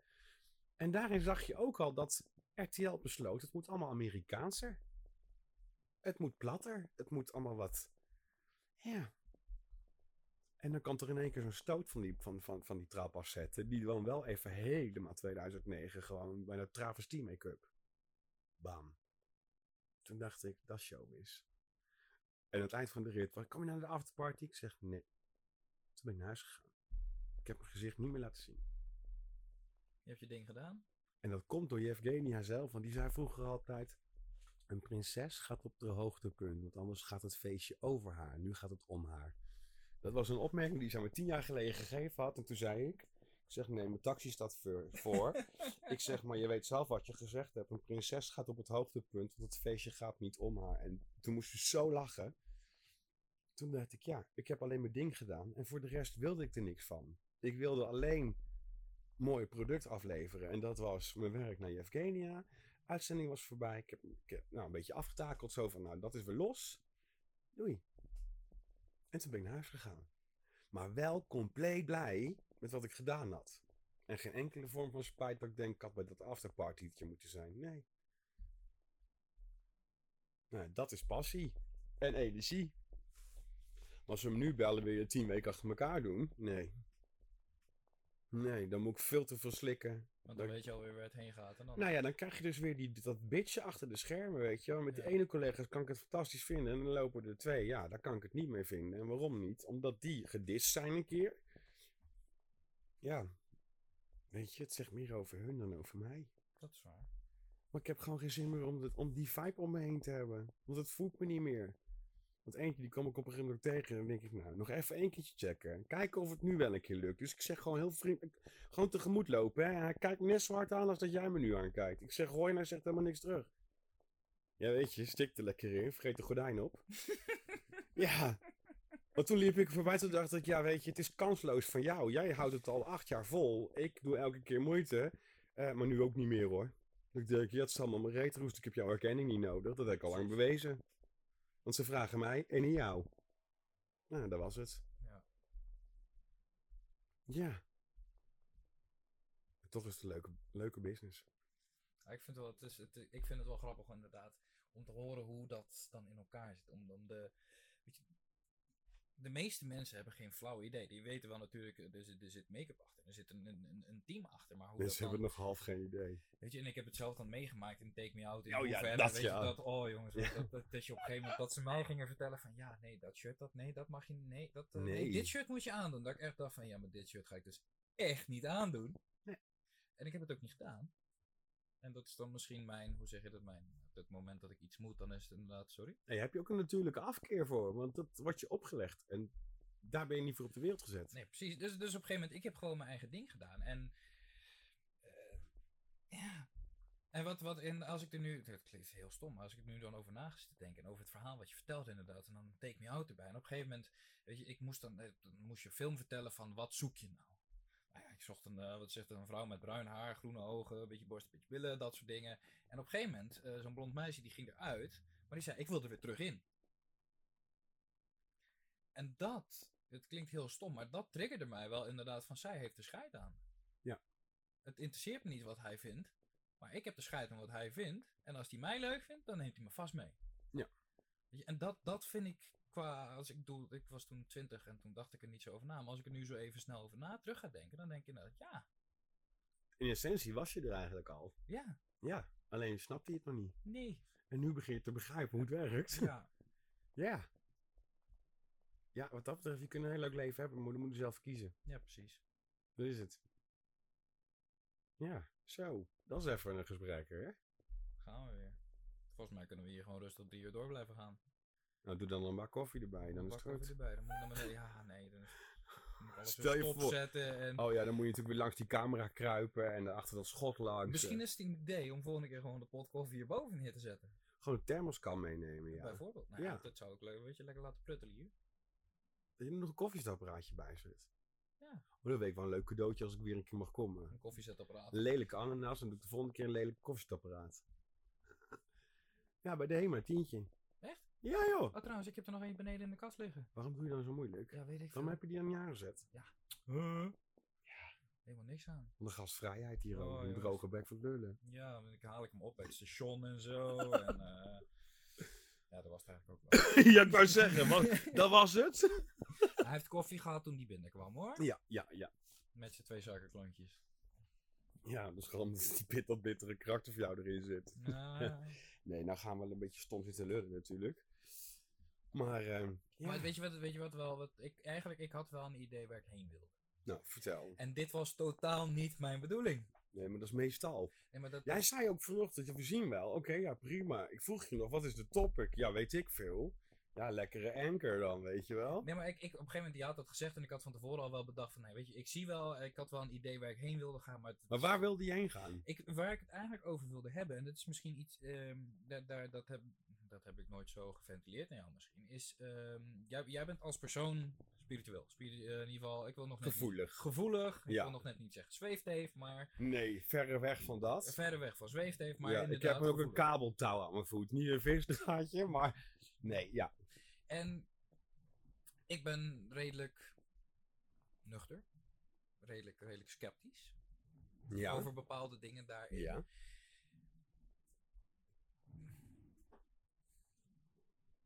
Ga ik weer, ik moet even, ah, even de, Ja, pak hem. de eh. essentie pakken. Maar het, in, in hoeverre ehm, leidt dat voor jou? Het, het, het, het, het, het spirituele, wat, wat heeft dat voor jou qua betekenis? Wat, wat, wat, wat doet dat voor jou? Want het is energie, waar we het net over hebben gehad Ja. eigenlijk in essentie. Maar er, er zit volgens mij veel meer achter dan alleen dat. het, is, het is natuurlijk iets wat je opbouwt in je leven lang. Ik heb jou ook wel eens uitgelegd dat ik niet zo'n heel erg, eh, ja, hoe moet ik het zeggen, zonder dat ik meteen zo depressief klink. Ik heb het niet altijd makkelijk gehad. Nee, maar, in de- maar dat, dat geldt voor iedereen. Dat geldt voor heel veel mensen. Maar ik heb denk ik daarin heel erg geleerd om heel erg naar mezelf te gaan kijken. En ik denk dat daar mijn spiritualiteit vandaan komt. Omdat ik bewust werd van mijn eigen keuzes. Heel veel van mijn, even quote quote, ellende zou ik maar zeggen, heb ik zelf ook op enige manier wel verkozen. Ja. Want ik had het ook laten gebeuren. Ik heb geen grens aangegeven. Ehm, hè, zo kun je alles terugleiden naar je eigen keuze. Hmm. En dat is ook waarom ik altijd tegen iedereen zeg: je moet iemand geen keuze geven, je moet ze een richting geven. Ja, Een keuze moet van iemand zelf zijn. Als je een keuze opgelegd krijgt, is het niet je eigen keuze. nee, precies. En, Je ehm, kan wel in die zin een, een, een, het erover hebben en een soort van zaadje planten. Ja. Dat ze erover na kunnen denken van oké, misschien Ja. zit er wel een essentie van waar, of misschien zit er een essentie in of een waarheid in waar het over heeft, dat hij erover na kan denken. Ja. En dan, ja, en ik denk dat ik door, ehm, door, door mijn angsten heen te hebben moeten gaan. Kijk, ik heb overal wel een keer voor moeten vechten. Maar je hoorde me niet klagen. Het was echt dragen gewoon, Ja. simpel. En ik heb daarin ook heel lang ben ik meegegaan aan wat mensen zeiden van... Oh, moet je het zo aanpakken, dan moet je het zo aanpakken. Omdat je maar in een zoektocht zit naar wie ben ik nou eigenlijk?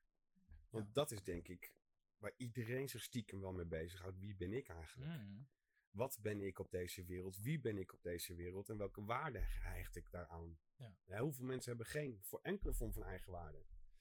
Nou, dat is bij mij op een gegeven moment een keer helemaal omgekeerd. Dat ik dacht, ja, fuck jullie allemaal. Eh, ik heb controle over mijn leven. En daarin ben ik keuzes gaan maken. En ja, wat is dan spiritualiteit? Spiritualiteit is voor mij ehm, je eigen weg vinden in een wereld waarin heel veel opleggingen zijn, overtuigingen zijn. hmm, En daar je eigen eh, weg in zien te vinden dat jij gewoon je lekker gelukkig kan leven. Ik heb me heel lang gestoord aan meningen van bijvoorbeeld overtuigingen, eh, kerkelijke overtuigingen. Dan denk ik, ja, ik vond mijzelf als persoon nergens aansluiting. ja. En waarom niet? Omdat ze allemaal vol zaten met overtuigingen waarvan ik dacht van, hoe kun je dit nou niet zelf bedenken? Dat het een overtuiging is die je opgelegd is. hmm. Denk dan eens logisch na, weet je wel? Ja, maar het is, het is makkelijker om niet logisch na te denken. eh, eh, om, om het, Ja. het dat het voorgekoud te krijgen. Want dan is het gewoon. Hè, voor heel veel mensen is het geloof is heel feitelijk geworden. Ja.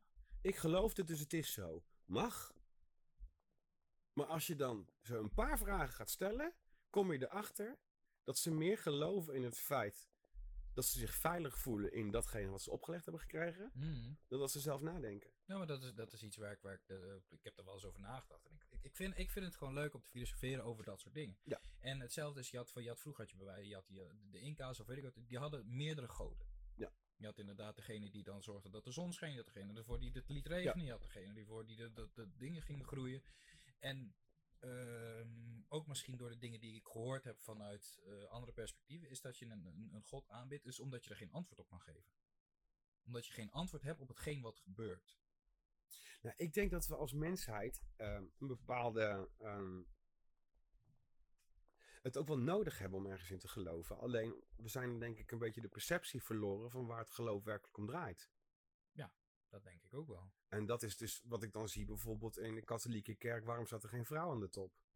Waarom is het alleen maar mannen in de katholieke kerk? Er staat al duidelijk in de Bijbel dat een man en een vrouw gelijk zijn. Eh, Adam en Eva hebben we het vanochtend nog over gehad. Ja, precies. In, in, in wezen zijn ze gelijk. Ja. Waarom alleen daar en niet in de katholieke kerk of het Vaticaan? Ja, maar, maar dat, dat is het hem dus juist. Het is de perceptie. En dat, dat is eh, waar we het dus over hebben gehad. Ik luister dan inderdaad nu de, de psychologische betekenis achter Ja. de Bijbel. En wat eigenlijk daadwerkelijk het verhaal erachter is. Mhm. En ehm, je kan natuurlijk geloven in het feit dat Adam en Eva bestaat en dat de wereld in zeven dagen is geschapen en dat soort dingen. Maar er zit een veel diepere betekenis achter dan daadwerkelijk van, oh, ehm, God heeft de wereld geschapen in zeven dagen, dus we bestaan maar 2020 jaar. Terwijl al Al bewezen is miljarden.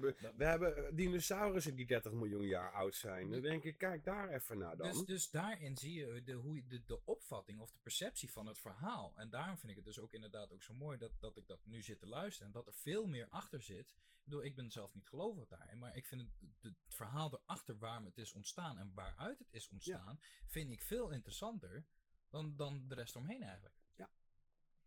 Kijk, kijk, kijk, de, essentie van een, van een geloof, welk geloof je dan ook hebt, of je nou de islam of de hindoeïsme of, of boeddhisme of, hè, I don't give a fuck. In elke vorm van geloofsovertuiging zit één stukje essentie en dat is liefde. Ja. Ze prediken allemaal hetzelfde en dat is liefde naar jezelf toe. Mm. En het koninkrijk des God staat voor je, alleen wil je het niet zien. Dat is werkelijk. We zoeken natuurlijk de hemel is boven en de, en de duivel zit beneden in de aarde. Nou, ik heb nieuws voor je. Dat is je perceptie. Ja. Als jij de hemel hier op aarde wil zien, dan zie je hem ook. Maar het is maar net wat je perceptie is. Ik zie mooie dingen om me heen. Omdat ik die negatieve dingen weer ik. Die laat ik niet meer toe. Die dienen me goost goed niet. Mm. Ik leef in een paradijs de laatste tijd. Dat ik denk, ja, ik heb prima naar mijn zin. De mensen die ik nu in mijn omgeving heb, die omarm ik. De mensen die in mijn omgeving willen komen, laat het lekker buiten het hek staan. Want heel simpel, je dient me nog niet. Ik krijg geen energie van je. Dus ik geef je ook die ruimte niet meer. Nee, precies. En sinds die tijd zit ik wel heel erg goed in mijn veld. Dat ik denk, ja, prima. Geen last meer van. Maar in het geloof, ja, daar heb je natuurlijk weer 624 verschillende stromingen. En dan heeft die imam weer dit geroepen. En die katholieke voorganger heeft dat weer een keer geroepen. En die heeft een keer een geschrift opgeschreven van dat. Nu komt er weer een of andere evangelie eh, uit een oude pot. En nou is het in één keer weer dat de Bijbel weer die kant op gaat. Dan denk ik, ja weet je jongens, het is allemaal een boek die symbolisch geschreven is. En eh, in elke overtuiging, ik heb heel erg gezocht hè, wat, Mhm. wat moet ik nou geloven? Ja. Ik mocht nergens, hoorde ik bij, omdat ik niet mocht zijn volgens de overtuiging die ze hadden.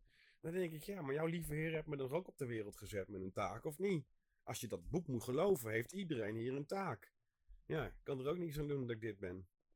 Zo ben ik neergezet. En dan komt de grote vraag, en dat is ook altijd de vraag die ik stel als mensen me veroordelen vanuit hun geloof. Mm.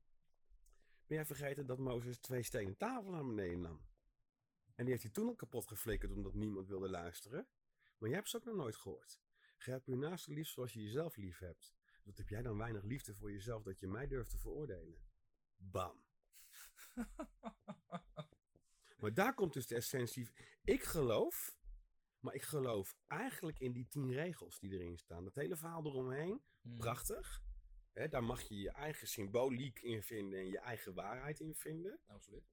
Maar in essentie gaat dat hele boek over die tien regels.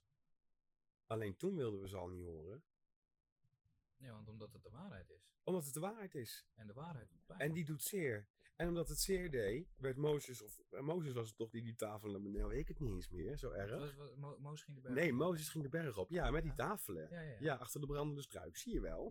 Ja, ik heb al een Bijbel gelezen natuurlijk.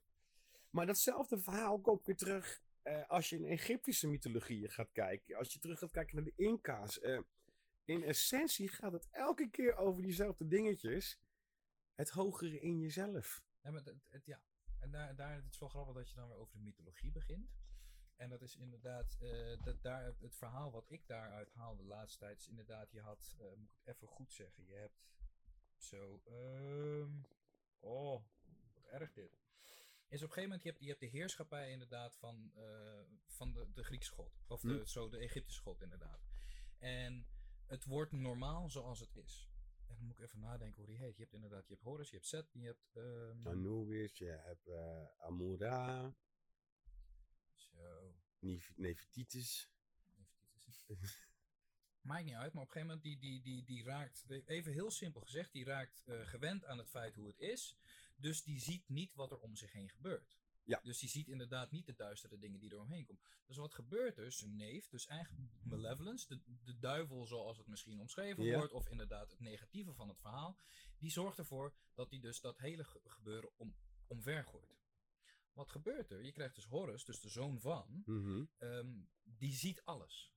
Alleen dan is het de vraag, wil je het zien of wil je het niet zien? Doe je oogkleppen af of niet? Precies, en Horus wil het zien, waardoor hij er dus tegen ingaat. En dat vind ik zo'n zo'n bijzonder sterk verhaal en zo'n zo'n... Ik krijg er gewoon kippenvel van, het is niet normaal. Ja, maar daar zit een stuk waarheid in die jouw essentie raakt. Ja, En dat is wat geloof dient te doen. Dan bij jezelf, dan ben je een gelovige in dat. ja, maar dat is hetzelfde als waar we het laatst over hebben gehad. Steek je je kop in het zand, of... Of feest je je veers Juist. en ruim je je stront op. Weer. Maar ja, face your fears. Want daarin zit de grootste waarheid. Want daar zit ook je groei. Ja. En, en, en nee, kijk, voor jou inderdaad, en dat, dat is misschien voor mij dan mijn spiritualiteit, in, in die zin, in hoeverre ik dat dan zie. Maar dat, dat is wel iets waar ik heel erg eh, mijn energie uit kan halen en waarin ik, nou ja, geloof. Is van face your fears en inderdaad, wil je het zien of wil je het niet zien? En of ik daar dan een, een, een mythologische eh, bewoording voor nodig heb, of dat het een hele andere manier is. Het is inderdaad iets wat je meedraagt met jezelf. Ja. Van oké, hoe zie ik dit? En daarin mag iedereen zijn. En dan heb je dat zijn weer, zeg maar. En daarom heb ik een probleem met heel veel overtuigingen. Dat ik denk van... Oké, je hanteert een lifestyle die gebaseerd is op een overtuiging. Mhm. Tot daaraan toe. Maar wanneer het erop neerkomt, hanteer je dus helemaal niks wat er in dat boek geschreven is. En daarin zit mijn grote problematiek. Dat ik denk, wat ben je dan eigenlijk een schijnheilig? Ja. Letterlijk schijnheilig. Dat geloof voor mij een hele andere waarde op een gegeven moment begon te krijgen. Dat ik denk van ja, ik kan daar niet meer in mee. Mhm. Ik, ik, voor mij bestaat er dan geen God. Ik roep het altijd, dat weet je ook, het universum. Ja. Is minstens zo onaantastbaar. Je kunt het ook niet aanraken. Je kunt het Eh, ook niet begrijpen. Je kunt het ook niet begrijpen. Dus het is, heeft net zoveel raakvlak als voor mij dan God, zou ik maar zeggen. Ja. Ja, dat hele verhaal eromheen. Prachtig boek. Alleen, eh, ik heb daar mijn waarheden uitgehaald. En dat is dan eigenlijk alleen maar die tien, tien regels. Omdat ik daar elke keer op terug kon vallen. Daarin kon ik ook iedereen reflecteren van... Prima dat jij dit overtuigd naar mij durft te zeggen. Maar heb je wel eens eh, nagedacht over het feit dat jouw lieve Heer, waar je zo van overtuigd bent en waar je zo in gelooft, jou een handje vol aan tools heeft meegegeven, waar je je nog niet eens aan kan houden? Omdat er een overtuiging in de weg zit. Mhm. Ik had op een gegeven moment één gozer en die zat op een gegeven moment naast me. Dat was op een verjaardag. Dit zijn verhalen hoor. Dit zijn echt Daar, verhalen. daar zitten we hier voor. Ja. En ehm, een vriendinnetje van mij, daar was ik mee. En die zat aan de overkant. En op een gegeven moment begon die gozer. En die jongen was echt zwaar gereformeerd. hey, je mag gerust naast me zitten. Want je bent net zoals ik maar een mens, weet je wel. Mhm.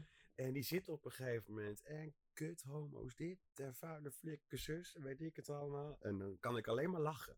Dan denk ik, oh, jij bent zo de Sjaak. ja, wat heel simpel. Dan moet je ook, als je dat scandeert, ook het. Jij maakt die keuze om daarover dus iemand, of in ieder geval mensen te overtuigen. Want het was zijn overtuiging dat het allemaal fiets was, en weet ik het allemaal. Ja. Toen dacht ik, maar de consequentie eraan, die krijg je meteen van me. En mijn vriendinnetje zit aan de overkant, die zit er helemaal te gniffelen, want die weet, oh, nou komt het straks. Want die weet ook hoe hard, nou ja, je weet ook hoe hard ik kan snijden. Als ik wil, dan snij ik, bam, en dan bloed je. Eh, ja. En los het dan maar op. Ja. Dus die jongen is helemaal uitgeluld. En hij kijkt op een gegeven moment, hij pakt zijn biertje en dan zit hij op een gegeven moment tegen, en eh, waar is jouw wijf? Nou, pardon? Hoe durf jij? Dus ik kijk hem aan, echt een beetje stoïcijns. En ik zeg tegen hem, maat, ik zeg, in mijn wereld bestaan er geen wijven. Dat noem ik gewoon een vrouw. Zeg, dat is een stukje respect. Ik zeg, maar die hek niet. Ik zeg, want ik ben zo vies, flikkers tegen hem. Nou, je had zijn kop moeten zien. Die zag nu in één keer in, oeps, de waarheid komt nu op tafel. Ik zeg, dan moet je niet schrikken. Ik zeg, nu moet je pas bang worden, want nu ga ik, ga ik even tegen jou in. Ik zeg, hoe durf jij mij te veroordelen? Ja, maar dit, nee, ik vind het allemaal niet erg. Ik zeg, nee, ik zeg, je zijn net heel wat anders. Jij bent ervan overtuigd dat ik een vieze flikker ben en dit en zus en zo. Ik zeg, maar waar baseer je dat op? Ik zeg, een overtuiging? Ik zeg, of, eh, eh, ja, nou, toen werd hij dus lastig, hè? Ik zeg, één vraagje. Ik zeg, jij gelooft in God? Ja, zegt hij. Ik zeg, jij bent door je familie, geloven jullie allemaal in de lieve Heer? Ja. Ik zeg, weet je ook dat de lieve Heer jou tien regels meegegeven heeft op twee stenen tabelen? Ja, zegt hij, dat klopt. Ik zeg, en één daarvan is dat onze lieve Heer iedereen geschapen heeft naar zijn eigen evenbeeld. Ja, zegt hij, dat klopt. Dan is die teringleier hartstikke biseksueel, zeg ik tegen hem. Want ook jouw Heer heeft mij op de wereld gezet uit dezelfde vorm van liefde als dat hij voor jou hebt. Ik zeg, en nu jij weer. Ja, die gozer stond natuurlijk tegen de muur aan. Want hij kon niks meer. Want ik confronteerde hem met de waarheid. Leg mij dan maar eens uit waarom jouw God mij veroordeelt. Mhm. Want dat staat er niet in dat boekje dat je mij mag veroordelen. Dat is wat je ervan gemaakt hebt. Interpretatie van de woorden.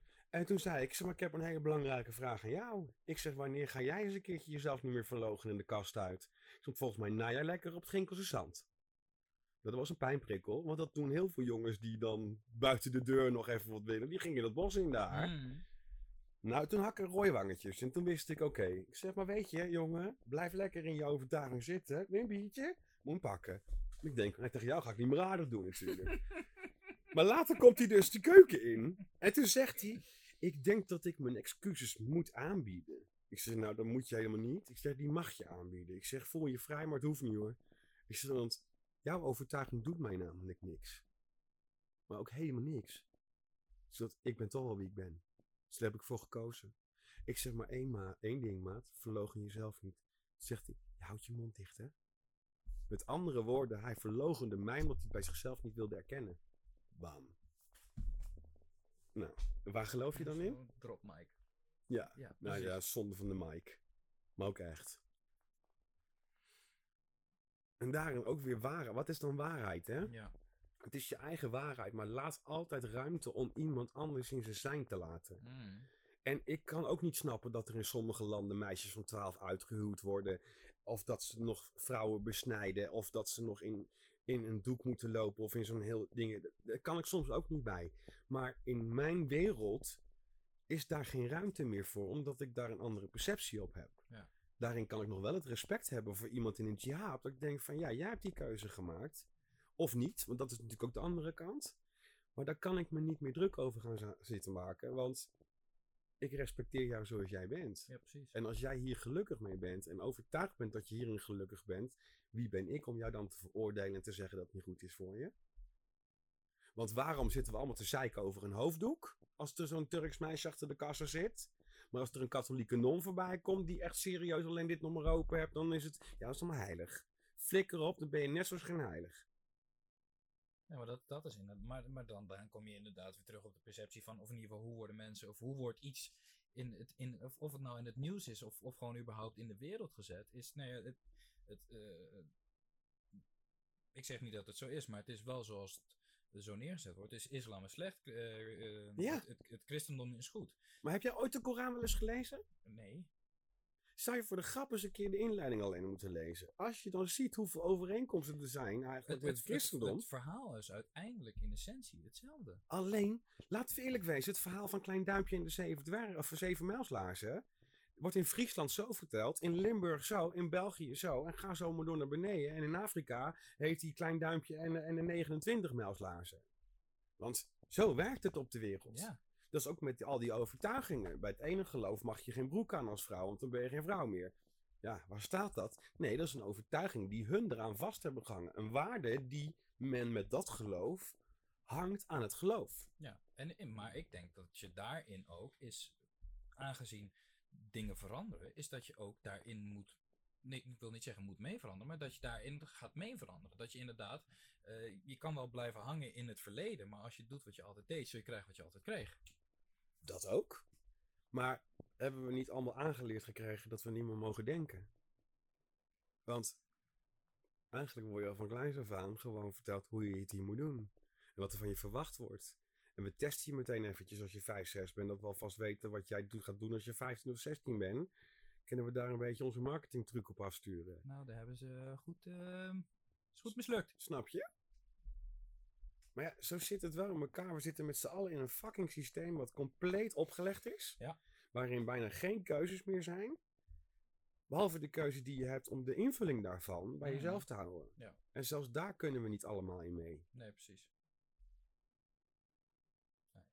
Maar ik denk, ik denk dat daarin, en dat is, dat is iets wat je, wat je ook zegt, is. eh, de, je ma- kan je eigen keuze niet maken. En daar heb, het, heb ik dan vorige keer inderdaad over gehad met, eh, met die jongen. Met die Roel Edekamp. En, en zijn idee is goed. Waar hij heen wilt. Alleen ehm, het voelde meer is, en dat, dat is meer, dat is iets wat ernaast is gekomen, meer als een ideologie. En, Ja. en daarin voelde, merkte ik bijvoorbeeld inderdaad, is je roept wat. En oké, er reageren mensen. Ik roep weer wat. Oké, er reageren mensen niet op. Dus ik ga meer daarop hameren. En ik ga meer daarop hameren. Ik ga meer daarop hameren. marketing. En dat, maar dat is ook weer die, dat stukje marketing. In Ja. plaats van dat je daadwerkelijk vanuit je eigen. eh, Maar wat is dan je overtuiging, hè? Precies. Maar Daar dat- zit de essentie. Waar ben je dan zelf van overtuigd? wees in die zin, dat, dat heb ik dan, is wees jezelf en zeg gewoon de waarheid zoals jij hem ziet. En als je daarin mee kan gaan, dan kunnen we het daarover hebben en dan kunnen we erover praten. Maar het is, het is niet dat je moet zeggen van oké, ehm, ehm, alle honden zijn blauw. Hoe reageren mensen? Oké, ik ga erop hameren, ik ga erop hameren. Ik ga inderdaad iedereen ervan overtuigen dat alle honden blauw zijn. Een ideologie, in ideologie, daar moeten we vanaf, voor mijn gevoel. Nou ja, daar zijn we natuurlijk wel langzaam wel mee bezig. Je ziet nu wel een hele duidelijke schifting komen van mensen die loskomen van ik moet. En, eh, en een grote groep die er weer bewust voor gaat kiezen. Ja. Met de menigte mee, want dan ben ik veilig. En dat is denk ik precies de essentie waarom we dus alles opgelegd krijgen. Dat geeft veiligheid. Als we namelijk allemaal dezelfde kant op denken, allemaal dezelfde kant op lopen, gaan we ook allemaal dezelfde kant op. Maar is het dan ook niet dat mensen bijvoorbeeld, eh, maar dat, dat, het zijn gewoon dingen die ik nu meemaak, is eh, dat mensen niet eh, de, de ellende willen zien die er is. Heel eerlijk, heb ik ook geen zin meer in. Nee, dat snap ik. Ja. Dat, dat snap ik. Is maar de, de, het leven zoals het is, is heel simpel. In principe wil alles wat hier op aarde is, wil ons dood hebben. En wij, wij zijn het ware- circle of life. Het is een ja. circle of life. En wij hebben ons daarin ontwikkeld dat we ons daarvoor kunnen beschermen. Dat we inderdaad de medische Dat we hebben. bovenaan daar in voedselketen staan. Precies, maar dat we inderdaad huizen hebben gebouwd, dat we muren om ons heen, om ons te beschermen van de elementen, de dieren en dat soort dingen. Dus in principe, alles op aarde wil ons dood, dood hebben, maar wij zijn zo slim geweest om daar iets aan te doen. Ja. Dus life is suffering as it is. Dus, maar zijn wij daarin niet te ver doorgeslagen dat het alsmaar maar gelukkig moet zijn? En wat is je perceptie van gelukkig? Kijk, weet je wat voor jou geluk is, kan voor jou echt voor een ander totaal iets zijn dat je denkt dat je er blij van wordt. Ja. Ja, toch? Koffie. dus daarin ook weer perceptie. Wat is geluk voor jou? En dat, dat kan mijn geluk totaal de andere kant op werken. Mm, Ja, waar, waar word je gelukkig van? Ja. Nou, dan, dan kom je weer op zo'n vraag stellen dat je denkt, ja. Die antwoorden liggen alleen maar op één plek. Dat is in jezelf. Ja. En als je daar het geloof voor nodig hebt om bij die plek te komen, geloof alsjeblieft. Want het mooiste goed hebben we allemaal. We mogen allemaal zijn hier. Ja. En dat bullshit verhalen zijn allemaal gelijk bullshit. We zijn allemaal uniek. Dat is een hele andere benadering. Ja. We zijn niet gelijk. Want dan zouden we echt serieus allemaal hetzelfde zijn. Nou, dan wordt het een klote wereld. Dat kan ik je wel ik vertellen. wou zeggen, ik met, jou, ik met jouw karakter, dat wordt helemaal niks. Mm. Eén van jou is Ik, voldoende hoor. ik, ik zeg niks. ik hou nu heel wijs mijn mond dicht. Dat is weer ruimte voor een nieuwe podcast misschien. ja, maar ja, het is allemaal overtuigingen en welke perceptie heb je. En wees daarin eerlijk naar jezelf. ja. Hou het ook bij jezelf. En als je daar je geloof voor nodig hebt, wie is een ander om daarover mogen oordelen? Maar het gebeurt wel constant. Ja. En dat is ook waarom ik geen nieuwsuitzendingen meer kijk, al jaren niet meer, geen kranten lees. Nou, net toevallig zie ik voor het eerst een, een, een telegraaf in, in een paar jaar tijd op de tafel liggen. Dat ik denk, oh ja, oh ja, daarom lees ik het niet meer. Het is allemaal nieuws. Mm, Wat is dan nieuws? Maar het haalt me naar beneden. Al die nare berichten waar ik niks aan kan veranderen. En dat is nog het ergste. Ik zou willen dat ik er wat aan kon veranderen. Dat is niet bij machten bij mij. Nee, precies. Maar het is, maar, maar kijk, geen nieuws is goed nieuws, zeggen ze dan. Maar heb je wel eens iets positiefs gezien? In die zin, natuurlijk, er zijn wel eens positieve dingen. Dat Ja, schaap Piet- met vijf poten, hartstikke leuk. Of dat Pietje oma uit de, uit, de, uit de sloot rent, maar daar wordt twee minuten aandacht aan besteed. Maar vervolgens is er een, een, eh, wat is het, een, een, een waterput opgedroogd in het eh, zuiden van China. Met daarbij dat er, eh, weet ik veel wat, in ronddrijft. En daar worden drie weken lang nieuws aan. Dat ik denk van, ja, maar dat, sorry hoor, maar dat is niet, dit is Nee, maar dat is, van dat, is mijn de, dat is de indoctrinatie, denk ik, ook van de pers die we hebben.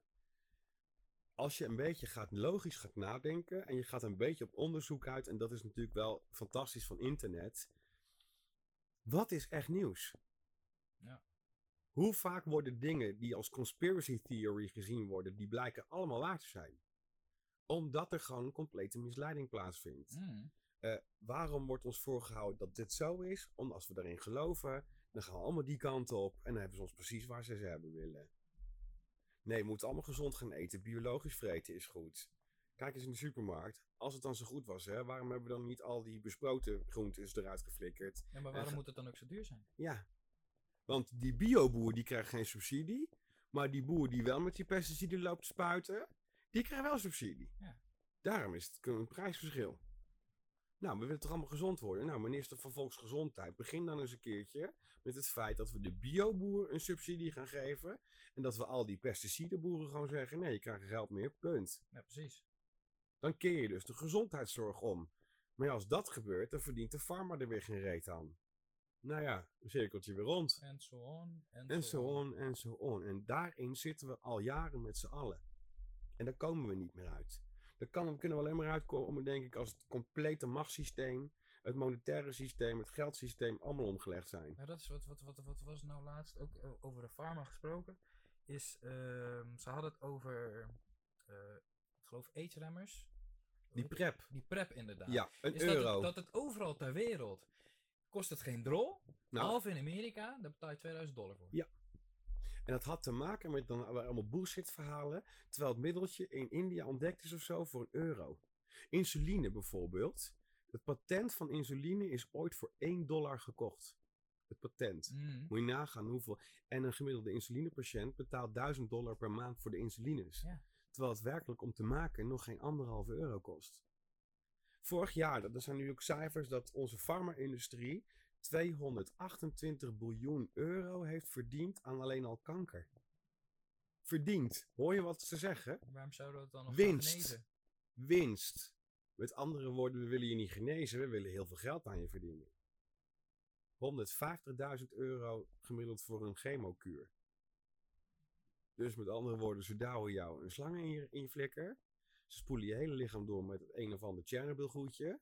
Wat echt wel heel intens is. En hallo, halleluja dat het er is, want heel veel mensen mogen daardoor genezen. Absoluut. Halleluja. Maar 150.000 euro voor één patiënt. En kijk eens hoeveel mensen er in je eigen omgeving al niet of overleden zijn of die kanker hebben. En waar komt kanker dan vandaan? En dan zijn er dus mensen, voedingsspecialisten, die zeggen ja, maar we worden ook ziek gemaakt. Want de hele voedingsindustrie is gebaseerd op suiker.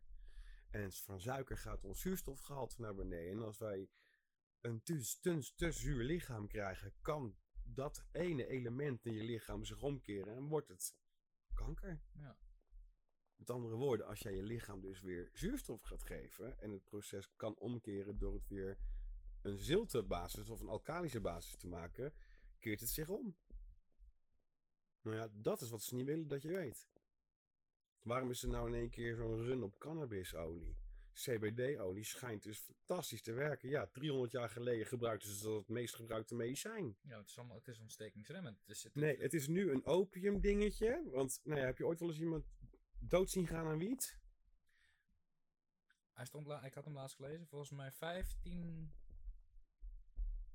100 gram had je nodig in... Anderhalve kilo wiet moet je wegroken. Kilo, eh, anderhalf kilo wiet in een kwartier tijd of zo. Ja, nou één biertje te veel op achter het stuur en je kun je kapot En je rijden. rijdt jezelf tegen de deur. Ja. Snap je? De- de- Maar dan gaat in één keer zo'n Soros patent aanvragen op cannabis in één keer. Drie keer raden wat het komt. Oh, dat is een nieuw verdienmodel. Want dat wordt de nieuwe natuur. Jongens, alles waar de natuur een fout in gemaakt heeft, heeft het ook een oplossing. Ja. Waarom? Maar we zijn gewend geraakt aan. Ik heb koppijn, pak wel een paracetamol. Moet je een pakje van opvreten, ben je 24 uur later ook dood. Ja, precies. Letterlijk. Van 24 APC'tjes kun je binnen 24 uur sterven, want je vergiftigt je lever. Mhm. Maar voor dat bijeffect hebben we dan weer een nieuw tabletje. Maar ja, die heeft wel weer de kanttekening dat je er uitslag van kan krijgen. Maar dan geven we je klovaterzalf.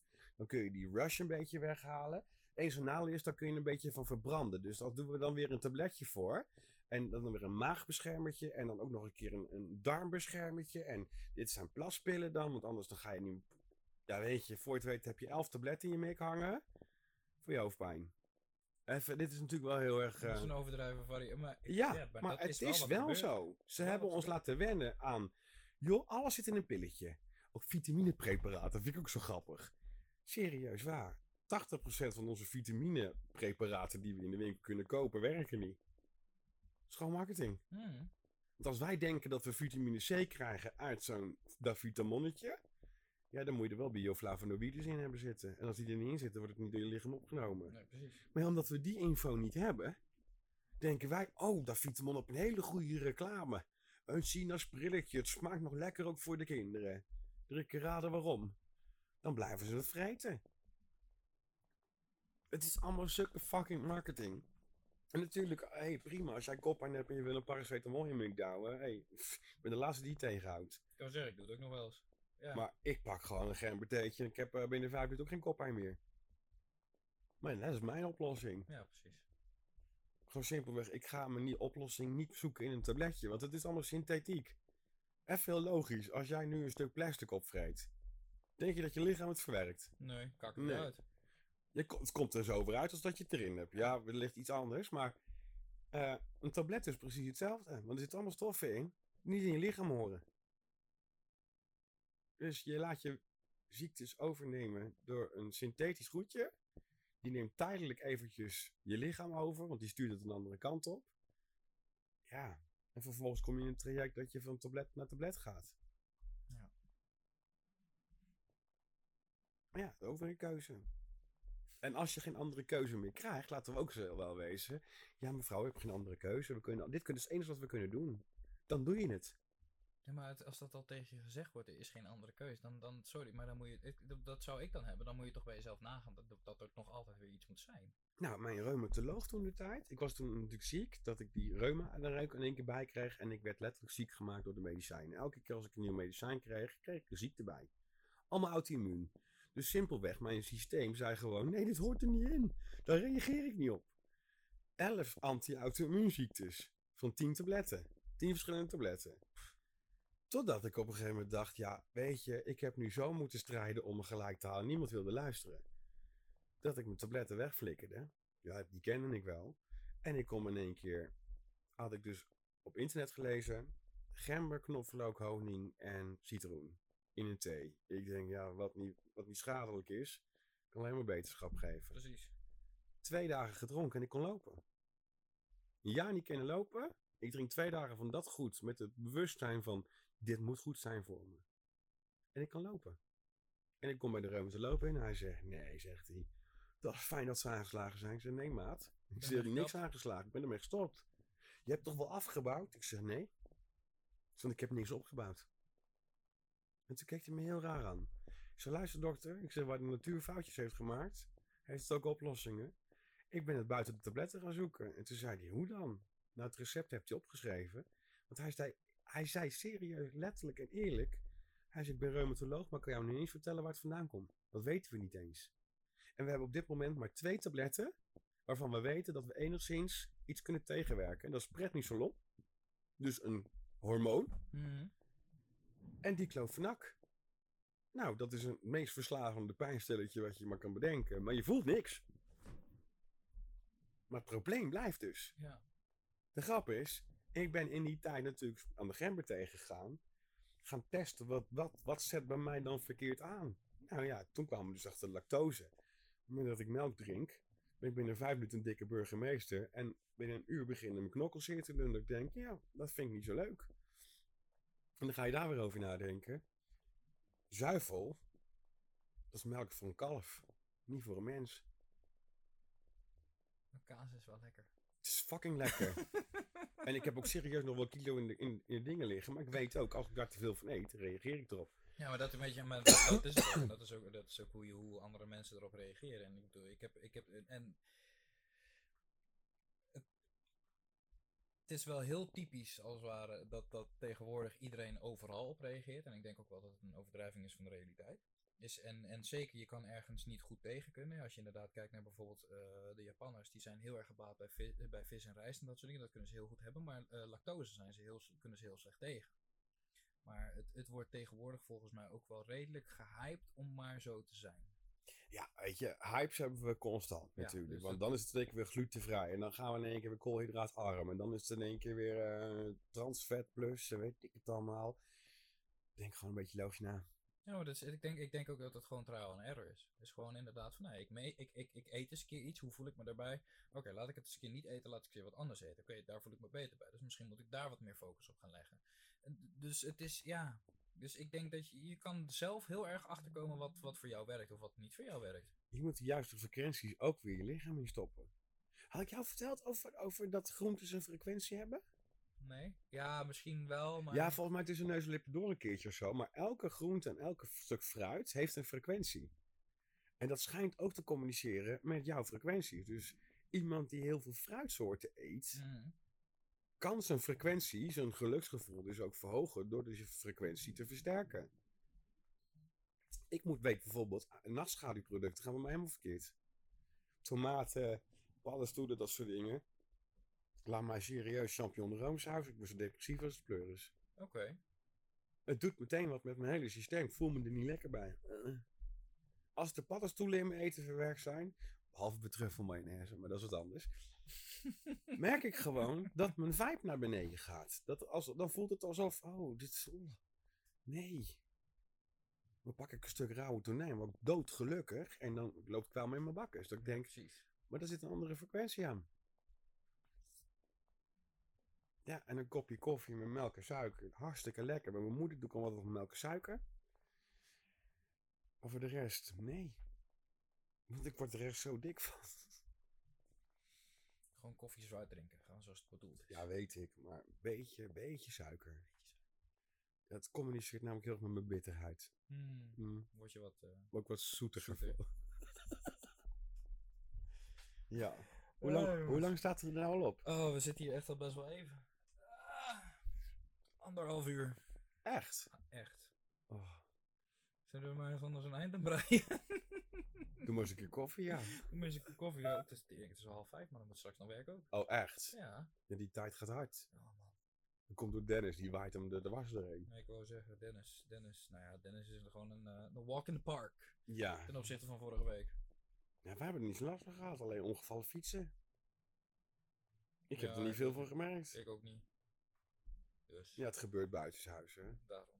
Daarom hebben we weer dus de, e- de, de elementen kunnen we Ja, buiten wij kunnen ons beschermen tegen dit soort elementen, ja. En trouwens, ik moet ook naar de wc, dus ik vind dat maar leuk en aardig. Maar, Nou, nou, dan, eh, ja. zeg ik eh tabé, tot de volgende ronde en eh, de volgende keer koffie erbij. De volgende keer doen we er een bakje koffie bij. Ja. Met misschien wat lekkers erin. Of erbij. Mm, Hm? Allebei kan ook. Allebei. Doei. Ciao.